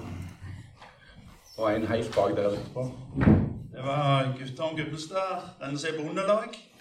Jeg, eh, er bare et kort spørsmål. Hvor mange har kjørt rundt Østersvik-Viko på den, den nullen som vi sier? Én, to, tre, fire Dag, du, du har ikke kjørt rundt den veien til Østersvik? for Jo, det- jo, på veien, ja. Det er den største bygda i Rennesøy bydel. Og det, vi har ikke sykkel- og gangsti. Dere bør skjemmes. Og der ligger penger inne, som sa for Ask, eller Green Mountain la inn seks millioner. Det er oppbrukte penger. Eh, så der må dere skjerpe dere. Og så er jeg opptatt av landbruk. Det er voldsomt. Det, altså, vi eh, Jeg må jo si det at det er sånn som jeg ble mottatt som leder i Bondelaget av administrasjonen er det, Hvem er det som styrer? Er det, er det administrasjonen, eller er det politikerne? Jeg har en følelse av at det er administrasjonen som styrer dere. For det at eh, med tanke på Jeg kan nevne mange saker, men spesielt høringssakene. De er nok tydeligvis oppsatt på at de skal ha skal mye saker gjennom. Og da er det korte høringsfrister for oss som er bondenæringa.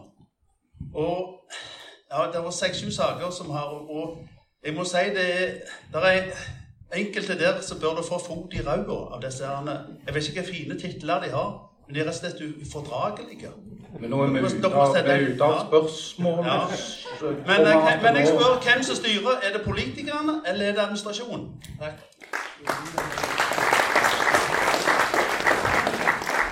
Skal vi se, hvor var neste? Ja, det er opptil flere. Du får bare velge og vrake. Ja, hallo, mitt eh, navn er Stein Ragnar Hemsøy.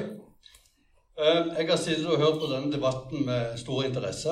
Og eh, en snakker her om eh, penger til monstermaster, en snakker om penger til sykkelvei, sykehjem, helsehus osv. Jeg stusser litt, for har ikke dette noen ting med prioritering å gjøre? I forhold, altså Sånn som jeg tenker, så dreier alt seg om prioritering. Det er spørsmål om hva en er villig til å bruke penger på. Altså Her snakker en om man skal bruke 3 milliarder kroner på museum og teater. Det er et spørsmål som jeg har. Og så, på toppen av det hele, for ikke så lenge siden, så gikk Ap, Folkets Parti, Miljøpartiet De Grønne, Rødt, Senterpartiet og SV sammen om å bevilge 200 millioner kroner til fri buss. Hvordan er det med dere som bor her ute? Får dere brukt den frie bussen? Nei, det er jo ikke nok avganger. Det er nesten ikke busstilbud her ute i det hele tatt. Og så er en så frekk at en snakker om at vi har ikke penger. Altså, Jeg leste et eller annet sted her om at eh, det var, var- ca. 200 det var det som er spørsmål. Skal, ja, ja, spørsmålet kommer. To, 280 millioner kroner er eiendomsskatten i Stavanger. 200 millioner kroner så bruker en da til fri buss. Altså til egen valgkamp. Altså Er dette riktig? Altså, jeg stiller spørsmål, og så Jeg, jeg syns dere blir holdt for narr her ute. Ja. Så eh, Det var spørsmålet. det spørsmålet er hvordan kan dere sitte her og fortelle at det ikke er penger, når dere kan bruke så mye penger? Dette dreier seg om prioritering. Det er opp til flere andre som har hånden oppe. Men på et eller annet tidspunkt så var det var et utrolig bra engasjement. Det må jeg si. Men vær så snill og fatt dere litt mer i korthet hvis dette skal gå bra. Det var Jostein Ene. Jeg skal være kort. Eh, Det var spørsmål om eh, trafikksikkerhet. Rennesøy kommune hadde god erfaring med å rullere trafikksikkerhetsplanen hvert år. Vi var en liten kommune som eh, greide det helt fint. Stavanger rullerer hvert fjerde år. Og det gir store problemer når det gjelder å få oppdatert ting og sende søknader til eh, fylkeskommunen om eh, trafikksikkerhetsmidler. Eh, vil eh, politikerne eh, endre på dette, sånn at vi får en, eh, en oppdatering hvert år på trafikksikkerhetsplanen? Godt. Vi har mange spørsmål til klarer vi? Skal være ferdige til halv, og folk skal få anledning til å, svare på dette òg. Så jeg tror vi klarer kanskje to eller tre spørsmål til. altså det er det. Jeg skal være eh, veldig kjapp. Jeg heter Sondre Edland. Jeg eh, er fra Mosterøy, jeg er født på Mosterøy, og jeg jobber som lærer i Randaberg. Men jeg stemmer jo i Stavanger. Um, det jeg kjenner er litt eh, skummelt, er at når det blir diskutert skolepolitikk i denne valgkampen, så handler det først og fremst om gratis SFO og gratis skolemat, som i utgangspunktet er veldig gode ting. Men det jeg som lærer er redd for, og som jeg tror mange andre lærere òg er redde for, er at eh, det vil gå på bekostning av andre ting i skolen. Og det vil jeg spørre dere om. Hva er det dere kan gi til skolen? For det jeg vet lærere er redde for akkurat nå, er at de ikke har rammene til å kunne gjøre jobben sin skikkelig. Takk. Men da, vi kommer ikke til dere ennå. Bare Hei, hei. Tom Egil Tobiassen heter jeg. Jeg er en lokal gründer. Um, og uh, vi sitter her i Vikevåg, i gründerkollektivet Vikevåg. Og uh, det bygget skal rives og selges, og vi skal etter planen ned i meieriet. Um, det er en uh, fantasi at vi skal sitte her. Og jeg lurer egentlig på hva tenker dere å gjøre for lokalt næringsliv, spesifikt gründere, som ønsker å starte opp eh, og drive lokalt her ute? Takk skal du ha. Vi klarer iallfall to til. Vi har foran der. Eh, Jeg heter Ragnhild, og jeg kommer fra byen, da, men jeg lurer på hvorfor høyresiden ikke har så lyst på gratis buss, når jeg i hvert fall ser på skolen hver dag at det, bussen er helt fulgt opp, og jeg ser at det er flere som tar busser. Spesielt mange eldre òg. Eh, faren min tar buss hver dag, og han benytter seg av det tilbudet hver dag. Så jeg bare lurer egentlig på hvorfor dere ikke vil ha gratis buss, og hvilke eh, andre løsninger dere kan komme på. Takk skal du ha. Og hei til slutt eh. Ja, da blir det to til. Er. Men jeg har lovt nemlig en.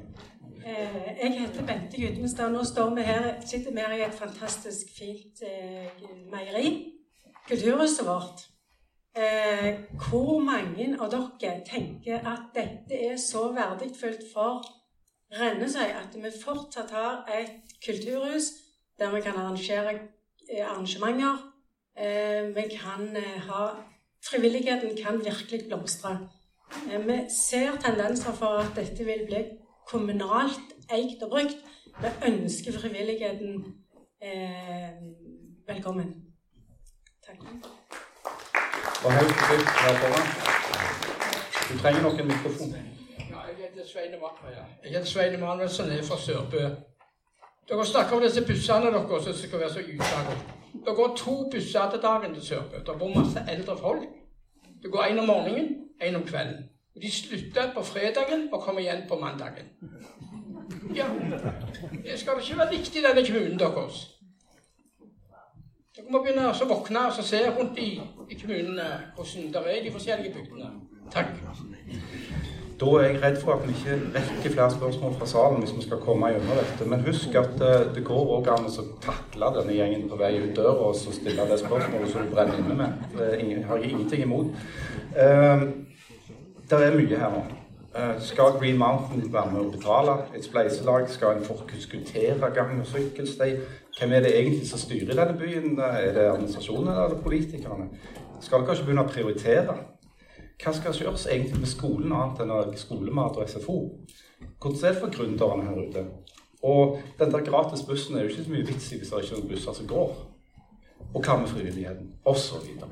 Og jeg tenker for at vi skal komme noenlunde i land her, så skal vi rett og slett ta runden. Uh, alle skal få Alle trenger ikke svare på alt.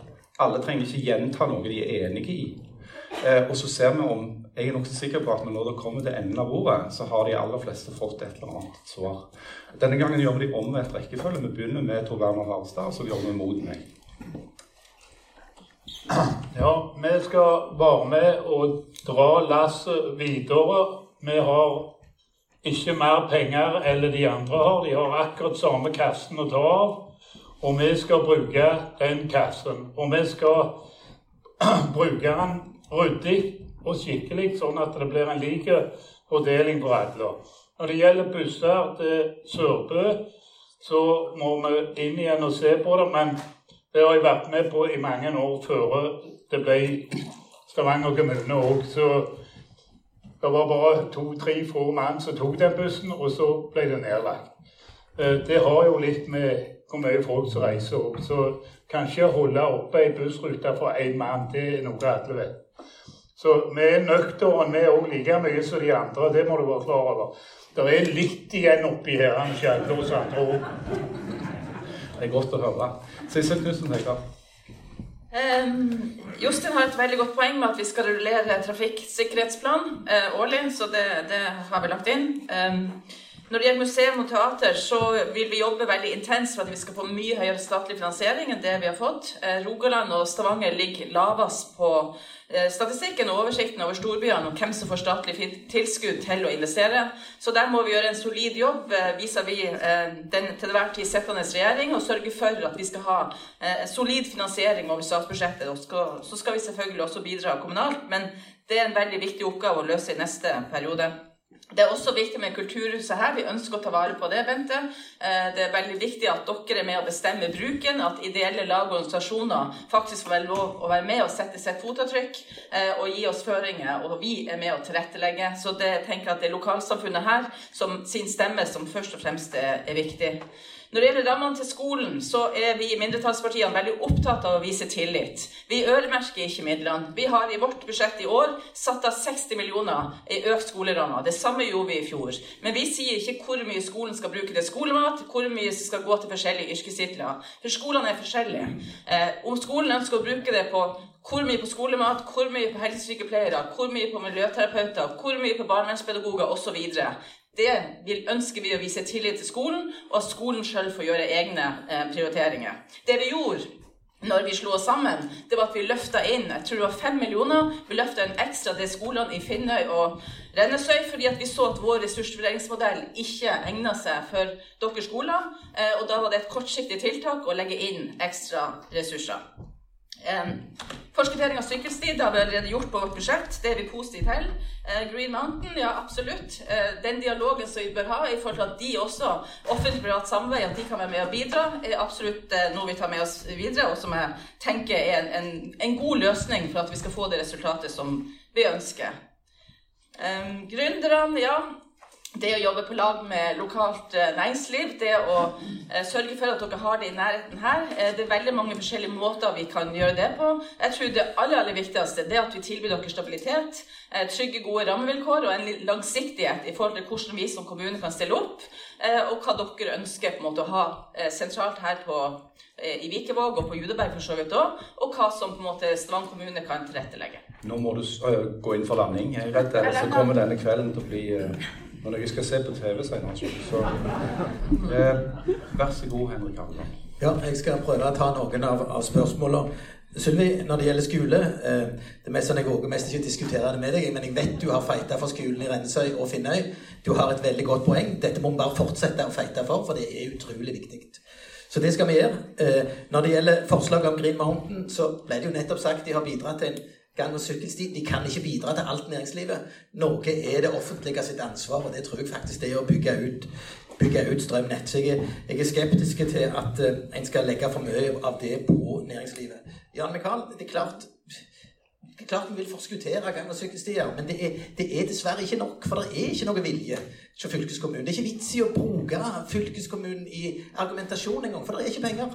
Og det er det de har sagt, og de har lagd en handlingsplan, så det, det fins ikke. Og så, Jostein, det svarte Sissel på veldig godt. Det er klart vi skal rullere denne planen hvert år. Det er lurt å gjøre. Sondre, når det gjelder skole, det syns jeg Sissel svarte veldig godt på. KrF er veldig for at vi skal ikke detaljstyre skolen. Vi har økt ramma, og det skal skolene få lov å bestemme sjøl. Det, det, mener vi veldig sterkt. Og så er det Bente helt avgjørende at vi skal klare å opprettholde sånne tilbud som dette. Og det er fantastisk flott. Nå har vi nettopp hatt tomatfestival, og vi har hatt Rennesøy i dag, med suksess begge plasser. Det er så viktig for å bygge lokal identitet. Og denne plassen her er viktig i så måte. Så det, det skal vi virkelig fortsette med. Når det gjelder gründere, så har vi et utrolig godt utgangspunkt i Stavanger. Det var ganske tungt som Finnøy kommune å drive med, med å drive halve gründere og få dem til å, å, tenne på ideer. Nå sitter det veldig mye flinke folk i en administrasjon som virkelig kan hjelpe. Så med innbyggertorget på Finnøy og landbruks- og havbrukskontoret der, og det som vi kan få til her i Vigevåg, så tror jeg at vi skal få ganske gode ordninger for, eh, for næringslivet og gründere. Takk skal du ha. Ja, og så en siste ting. En siste ting. For det, det, det var til gutter. Det, for det er et veldig godt spørsmål. Og nå har ikke jeg vært sittet i den politiske ledelsen i denne perioden, men jeg vet litt om hvor krevende det er for en politiker å på en måte styre administrasjon. Det er ganske, det er ganske vanskelig, men det må gjøres. Det er det som er. Det må gjøres, og det er jo et veldig godt spørsmål. Ja, Nå skal jo det nye eh, kommunestyret ta stilling til parlamentarisme, da, så det kan jo bli en løsning. Eh, Bil Venstre, vær så god. Takk. Eh, ja, hvor skal vi begynne? Vi er, altså Det å være politiker har regulert til samarbeid, og det er det. Eh, for at vi i det hele tatt skal få ting til å gå rundt til å være bærekraftige, så er vi helt avhengige av frivillige, og vi er avhengige av ulike organisasjoner, og vi er avhengige av de private næringslivet. Eh, derfor er det òg viktig at det blir lagt til rette i forhold til dette med gründervirksomhet. Eh, jeg kan jo bare nevne Klostergården, for å komme litt sånn inn på ting og tang. Eh, den merkevaren de har greid å bygge opp, det er jo helt sykt. Eh, og de har òg mye å bidra med. Deres mål er å lufte hele Rennesøy, ikke bare Klostergården. Eh, jeg tenker jo at la det seg gjøre. Nå har ikke jeg satt meg inn i det, skal jeg ærlig innrømme. Men la det seg gjøre. Selvfølgelig kan Green Mountain få lov å være med og betale. De står jo litt ansvarlig òg for den økte strømbruken.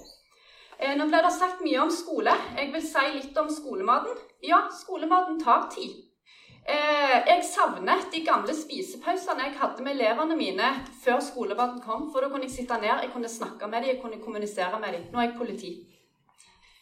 Eh, og busstilbudet, ja, selvfølgelig, som jeg sa i innledningen min, den, det må bli bedre. Eh, og sånn som jeg sa litt på spøk, hvordan eh, sto det noe i avisa om 33 og 34 og ut til Sørbø og forskjellig? Skal du på kino og bo på Sørbø og ta buss, så må du dra på fredagen, komme hjem mandagsmorgen. Eh, og det er ikke bra nok. Eh, og, og derfor, derfor kjemper vi Venstre, det kan de. Jostein og Tor Bernhard, vi kan, kan, bekrefte det. Jeg holdt igjen på flyttedatoen for å få igjen for en 50-lapp for ungdommene. Ja, jeg, har var... jeg, har faktisk opplevd at jeg skulle på kino på fredag, så kom jeg hjem på mandag. Har du bodd på Sørbø, du òg? Men den saken er forelda nå, så Gode Myhrol. Ja, takk. Eh, nå har det blitt sagt eh, en del om buss. Eh, nå sitter jeg også i samferdselsutvalget i fylket, som jeg sa tidligere. og skal jeg fortelle litt fakta og litt tall. Fylkeskommunen får et rammetilskudd på 1,2 milliarder fra staten. På Nord-Jæren har vi 55% av innbyggerne i Rogaland fylke. Det vil si at hvis, 55, altså hvis vi krevde 55% av det rammetilskuddet, så skulle vi ha 660 millioner av disse pengene. Det å drifte busstilbudet på Nord-Jæren det koster 440 millioner. Da er det 220 millioner til overs hvis alle på Nord-Jæren hadde fått gratis buss. Fylket er ikke interessert i det. Fylket har eh, innført 10-kronersbillett i Haugesund, 10-kronersbillett i Egersund. De fjerna nærsonebilletten i Stavanger, som var på en måte Stavanger sin nærsonebillett. De, tar inn 260 millioner i billettinntekter på Nord-Jæren. Det vil si at av den 1,2 milliarden som fylket får rammetilskudd, så bruker de kun 200 millioner på busstilbudet på Nord-Jæren. Jeg er stor tilhenger av at eh, de fire kommunene på Nord-Jæren eh, tar over eh, drifta av busstilbudet på Nord-Jæren og lager sitt eget selskap.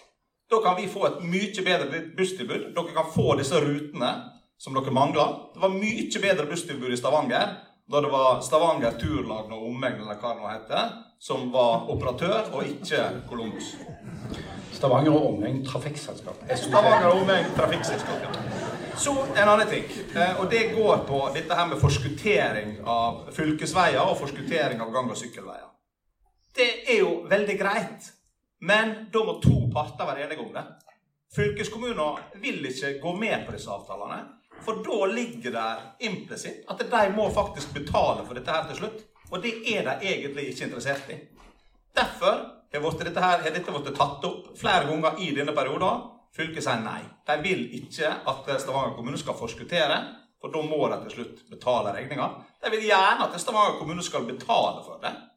Men det er jo ikke Stavanger kommunes oppgave. Det er jo fylkets oppgave. Og vi trenger politikere i Stavanger som står opp mot fylkeskommunen og fylkespolitikerne og krever det som er Stavanger kommunes rett. Så det er ikke nok å stå opp mot Oslo, du må stå opp mot fylket òg. Ja, dessverre så er det sånn. Ai, ai, ai. Jeg trenger ikke si mer nå. Takk. Daria Maria Sjumanuk, um, vær så god. Takk. Men vi trenger òg de politikerne som kjemper for oss nasjonalt, og sånn at Rogaland faktisk får mer midler, særlig til kollektiv- og sykkelveier, for vi er ekstremt underfinansiert med det storbyområdet i hele Norge som har dårligst kollektivdekning, som flere av dere var inne på. Så for å ta det siste først. SV er definitivt ikke det eneste partiet på Stortinget som kjemper for at kollektiv skal bli mye høyere eh, prioritert i statens eh, budsjetter. Det gjør MDG, det gjør Rødt, og det gjør Venstre. Bare rause med hverandre. Så prioriteringer, som politikk handler om, som noen her var veldig fint inne på. Det vi i MDG skal prioritere, det er å investere i kommunen, i innbyggerne våre, sånn at vi faktisk er en attraktiv kommune å bo og leve i og jobbe i. Museum og teater deles mellom stat, fylke og kommune. Kultur skaper attraktivitet, det genererer arbeidsplasser. For hver krone du investerer i kunst og kultur, får du fire kroner ut. Sånn kan vi se på veldig mange ting vi gjør i politikken. Og vi ønsker å stå for gratis SFO og gratis skolemat og det å gjøre barnehageprisen billigere. Fordi det gjør at flere ønsker å bo i denne kommunen. Før vi kom inn i 2019, så var det fraflytting. Og nå skrikes det etter lærere, som noen var inne på. Det skrikes etter vernepleiere, det skrikes etter helsesykepleiere. Vi får det ikke til å flytte her, og vi klarer ikke å klekke det ut sjøl. Beklager. Så hvis noen faktisk skal komme og bo her, så må de kunne se at vi har tjenester, kultur, boligpriser og tilbud som gjør at her, her har jeg lyst til å bo. Og det gjelder også selvfølgelig Rennesøy. Om Green Mountain kan være med å betale for, for den jordkabelen, ja, selvfølgelig. Men det klarer ikke vi å pålegge dem. Å oppdatere trafikksikkerhetsplanen, kjempelurt, men tar lang tid. Om jeg har kontroll på administrasjonen, ja, definitivt hvis vi får parlamentarisme. Og så vil jeg si til lokalt næringsliv, som dere venner på, og lærere. Vi har økt stilling, skolerammen med 100 millioner kroner, og vi ønsker å øke den mer. Og det er òg en investering. For da er det flere unger som har det bra, som har et lag rundt seg, lærere har et godt arbeidsmiljø. De har flere vokser opp uten problemer og kan finne seg arbeid istedenfor å dette ut. Investering, penger spart. Å investere i gode tilbud til gründere og skapere og kunstnere, lokaler som kommunen kan tilby og investere i over hele kommunen, det gjør at flere skaper sin arbeidsplass, bidrar til omstillingen og kan faktisk bidra til å lage arbeidsplasser som vi trenger fremover. Så vi ønsker å investere, og det er vår prioritering. Takk. Takk skal du ha. Dagny Sunnanna Hausken. Ja, takk. Eh, når det gjelder Green Mountain, jeg syns det var en kjempegod idé Hvorfor må de til å være med og betale og bidra hvis vi klarer Hvis de nå vil ha en utbygging og forlange en bedre vei eller et eller annet ut til seg, så vi kan få hive noen rekkefølgekrav på dem, så hadde det vært super. Er det noen fra Green Mountain her? Nei, men Nei, hvor mange milliarder fikk Smedvik når de solgte Green Mountain? Det var mange milliarder. Altså det er penger i dette systemet. Men kommunen brukte 6 millioner på å oppgradere eh, veien ut til Green Mountain i sin tid. Eh, og de slipper unna med veldig billige leier til Stavanger kommune i dag. Så eh, undersøk muligheten der, Sølvi. Når det gjelder den skolemodellen, eh, så visste alle politikerne i Rennesøy at dette, den modellen Stavanger hadde, kom gjøre, eh, ikke kom til å bli bra for Rennesøy. Vi ba om en sak ganske kjapt for å få belyst hva det ville koste med en annen modell, som ser på en modell med tilskudd per klasse. Den fikk vi i vår etter ja, lang tid. Eh, over bordet 57 millioner. Det nytter ikke å legge inn 5 millioner i en sånn overgangsordning. For vi kan selvfølgelig ikke ha dette bare til skolene i Rennesøy og Finnøy. Vi må jo ha det til de andre skolene som er i samme situasjon i Stavanger. Som har vært underfinansiert i mange år før, før, før vi overtok for fire år siden. Um, og det samme vedlikeholdet der på skolene, for å si det sånn. Um, når det gjelder hvem som styrer i Stavanger, jeg vil iallfall ikke ha parlamentarisme. Det er mer makt på færre hender. Uh, det betyr at det er en politisk styring av saksframlegget. Vi får ikke noe lenger noe nøytralt saksframlegg. Og det vil si at det blir dyrere modell for oss, og det er et stort tap for eh, lokaldemokratiet. I Bergen forsvant f.eks. For alle kommunedelsutvalgene når de innførte dette. Eh, du må begynne å gå inn for landing. Det vet ikke om vi klarer det. altså, det tar veldig lang tid å oppdatere trafikksikringsplanen. Det er så mange, mange brukt som skal inn i den, så jeg vet ikke om vi har kapasitet til det. For det er jo det det går på i administrasjonen i Stavanger òg. Kapasitet. Eh, Gründerkollektiv eh, syns jeg er kjempebra. Det som har kommet opp i gamle kommunehuset. Og det hadde vi jo òg før i Keihuset. Og hvis vi kan være med og bidra til at vi tar vare på det, så, så kom med gode ideer. Det vil vi gjerne. Frivilligheten selvfølgelig skal være i meieriet. Dette her betyr jo enormt mye for Vigvåg sentrum som en god møteplass. Og bare si tusen takk til de som bidro til Rennesøydagen. Det var en fantastisk kjekk dag. Det var en grei avslutning på en Rennesøybue. Dag Mossige, eh, hva kan du love? Hva kan du ikke love? Prøver å gjøre litt kortere, men um, fylkeskommunen har fått ganske mye tyn. Eh, med rette, kan en jo si. Men eh, det er jo ikke sånn at eh, den er styrt av liksom, usynlige menn på Mars. Halleland skyter veldig mye på den. KrF har jo sittet og styrt fylkeskommunen så lenge jeg kan huske. Venstre sitter òg der. Og lederen av samferdselsutvalget i dag i fylket, vet du hvilket parti det er? Det er Høyre. Så det er litt sånn, det, er veldig enkelt å skyte på de, men en er inne på, på noe her. Der ligger løsninga. Så Hanasan Ja vi er ikke fremmed for tanken om at vi kanskje må subsidiere eller forskuttere eh, noen av lokale sykkel- og gangstiene for å få fortgang på det. absolutt. Eh, men igjen, dette handler som flere var inne på, om å arbeide mot, opp mot våre folk som sitter på fylkestinget. Det har vært, Vi har to gode kandidater fra Finnøy, unnskyld, fra, fra Rennesøy, Tina Nådland og Stian Evøy. De har allerede booka møte med vår fylkesordførerkandidat nettopp om dette temaet. Så de er på, og hvis dere velger de til kommunestyret i Stavanger, så kommer de til å være veldig veldig på dette her. Um, jeg, de, to andre viktigste sakene jeg har snakket om eldreomsorg, men jeg vil si noe om skole. I forrige periode så var det ikke skolemat. Men det var òg et skoleopprør i Stavanger-skolen. Han var underfinansiert. Dagens flertall vi har pumpa 100 millioner inn bare i drift, i tillegg til 43 millioner i skolebøker. I tillegg, I tillegg har vi innført skolemat på en egen pott, øremerka fordi det er folkehelse. Tar, nettopp for at en ikke skal bli frista til å bruke det til andre ting, men nettopp for at vi òg har økt skuldrene separat, så har vi øremerka det. Det kommer vi til å fortsette med. Jeg tror en undervurderer hvor populært det er ute nå. Eh, enten du rett og slett ikke er sikker på at ungene får eh, god nok mat med hjemme, eh, eller at det er godt for læringen, eh, eller rett og slett i en tid, en dyrtid så er det veldig greit at kommunen tar den regninga for fellesskapet. Takk skal du ha. Torgeir Thorsen. Jeg har kjørt rundt nullen jeg har stort sett sittet framme i det venstre hjørnet på en 15 meter lang grønn dings. Og jeg har gjort det i mange år. Så jeg er fullstendig enig med deg.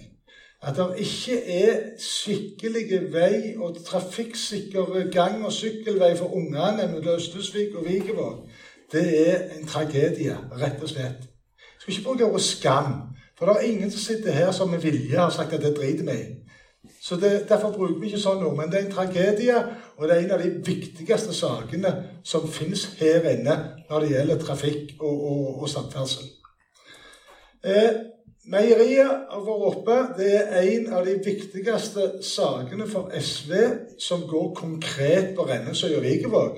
Vi har ikke så veldig stort program som er spesielt for dere, som ikke gjelder for alle andre. Men meieriet er vi veldig opptatt av. Vi er veldig opptatt av å sikre økonomien sånn at det der her kan være trygghet for drift og, og, og, og den ombyggingen og oppfriskningen som skal til her. Så til slutt så vil jeg jo bare si òg med, med busstilbud, dårlig busstilbud. Det er lett å si det er dårlig busstilbud. I, i pendlertidsrommet så går det fire busser i timen. Skulle gjerne gått åtte her òg, sånn som det gjør på, på Lagersveien og Helvågsveien. Men jeg vet ikke om det er grunnlag for det. Så vi må tenke litt på Hadde det vært flere som hadde brukt bussen, så hadde det kommet flere busser. De 33 og 34 og 31 som vi snakker om, når forsvant de bussrutene?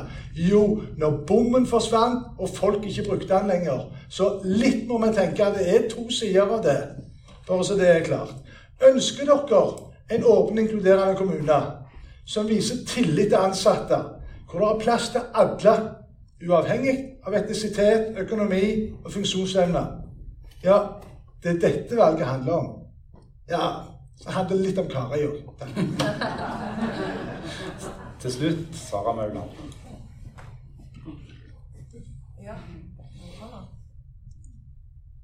Og på det røde lyset, som han sier Thomas. Ta det av. Deg av. Vær så god. Uh, ja, for å avslutte. Uh, Janne har svart godt. Jeg er helt enig med det Dag Mossegi sa. Du har ikke sett den på, tror jeg? Jeg har. Sånn. Ja. Det. er vet du. Uh, ja, For å starte med skole. Jeg er helt enig med Dag Mossige. Han svarte godt ut. Høyre sitt forslag, da må skolene, da vil gratis skolemat gå på bekostning av noe, for da må skolene gjøre den prioriteringen. Vi har økt rammen og gitt øremerka midler til gratis skolemat. Sånn at skolene skal slippe å ta den prioriteringen. Vi har sagt at dette er noe vi som politikere prioriterer. Uh, og når det gjelder gang- og sykkelstier, så har vi jo faktisk en strategi i kommunen som sier at vi skal prioritere gående og syklende og kollektivtrafikk over å bruke bil.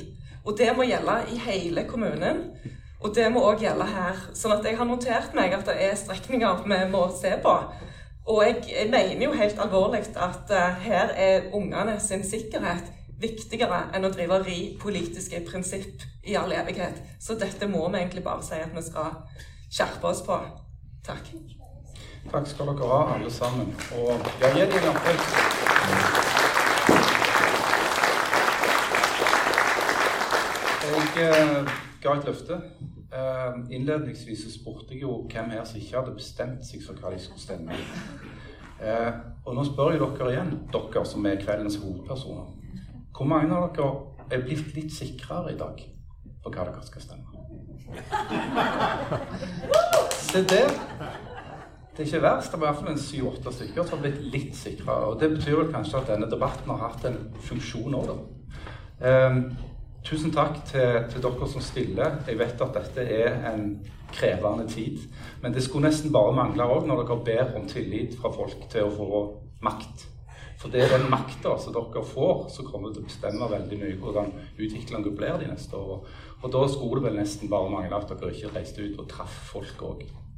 Men tusen takk skal dere ha. Tusen takk for at dere kom, og godt valg.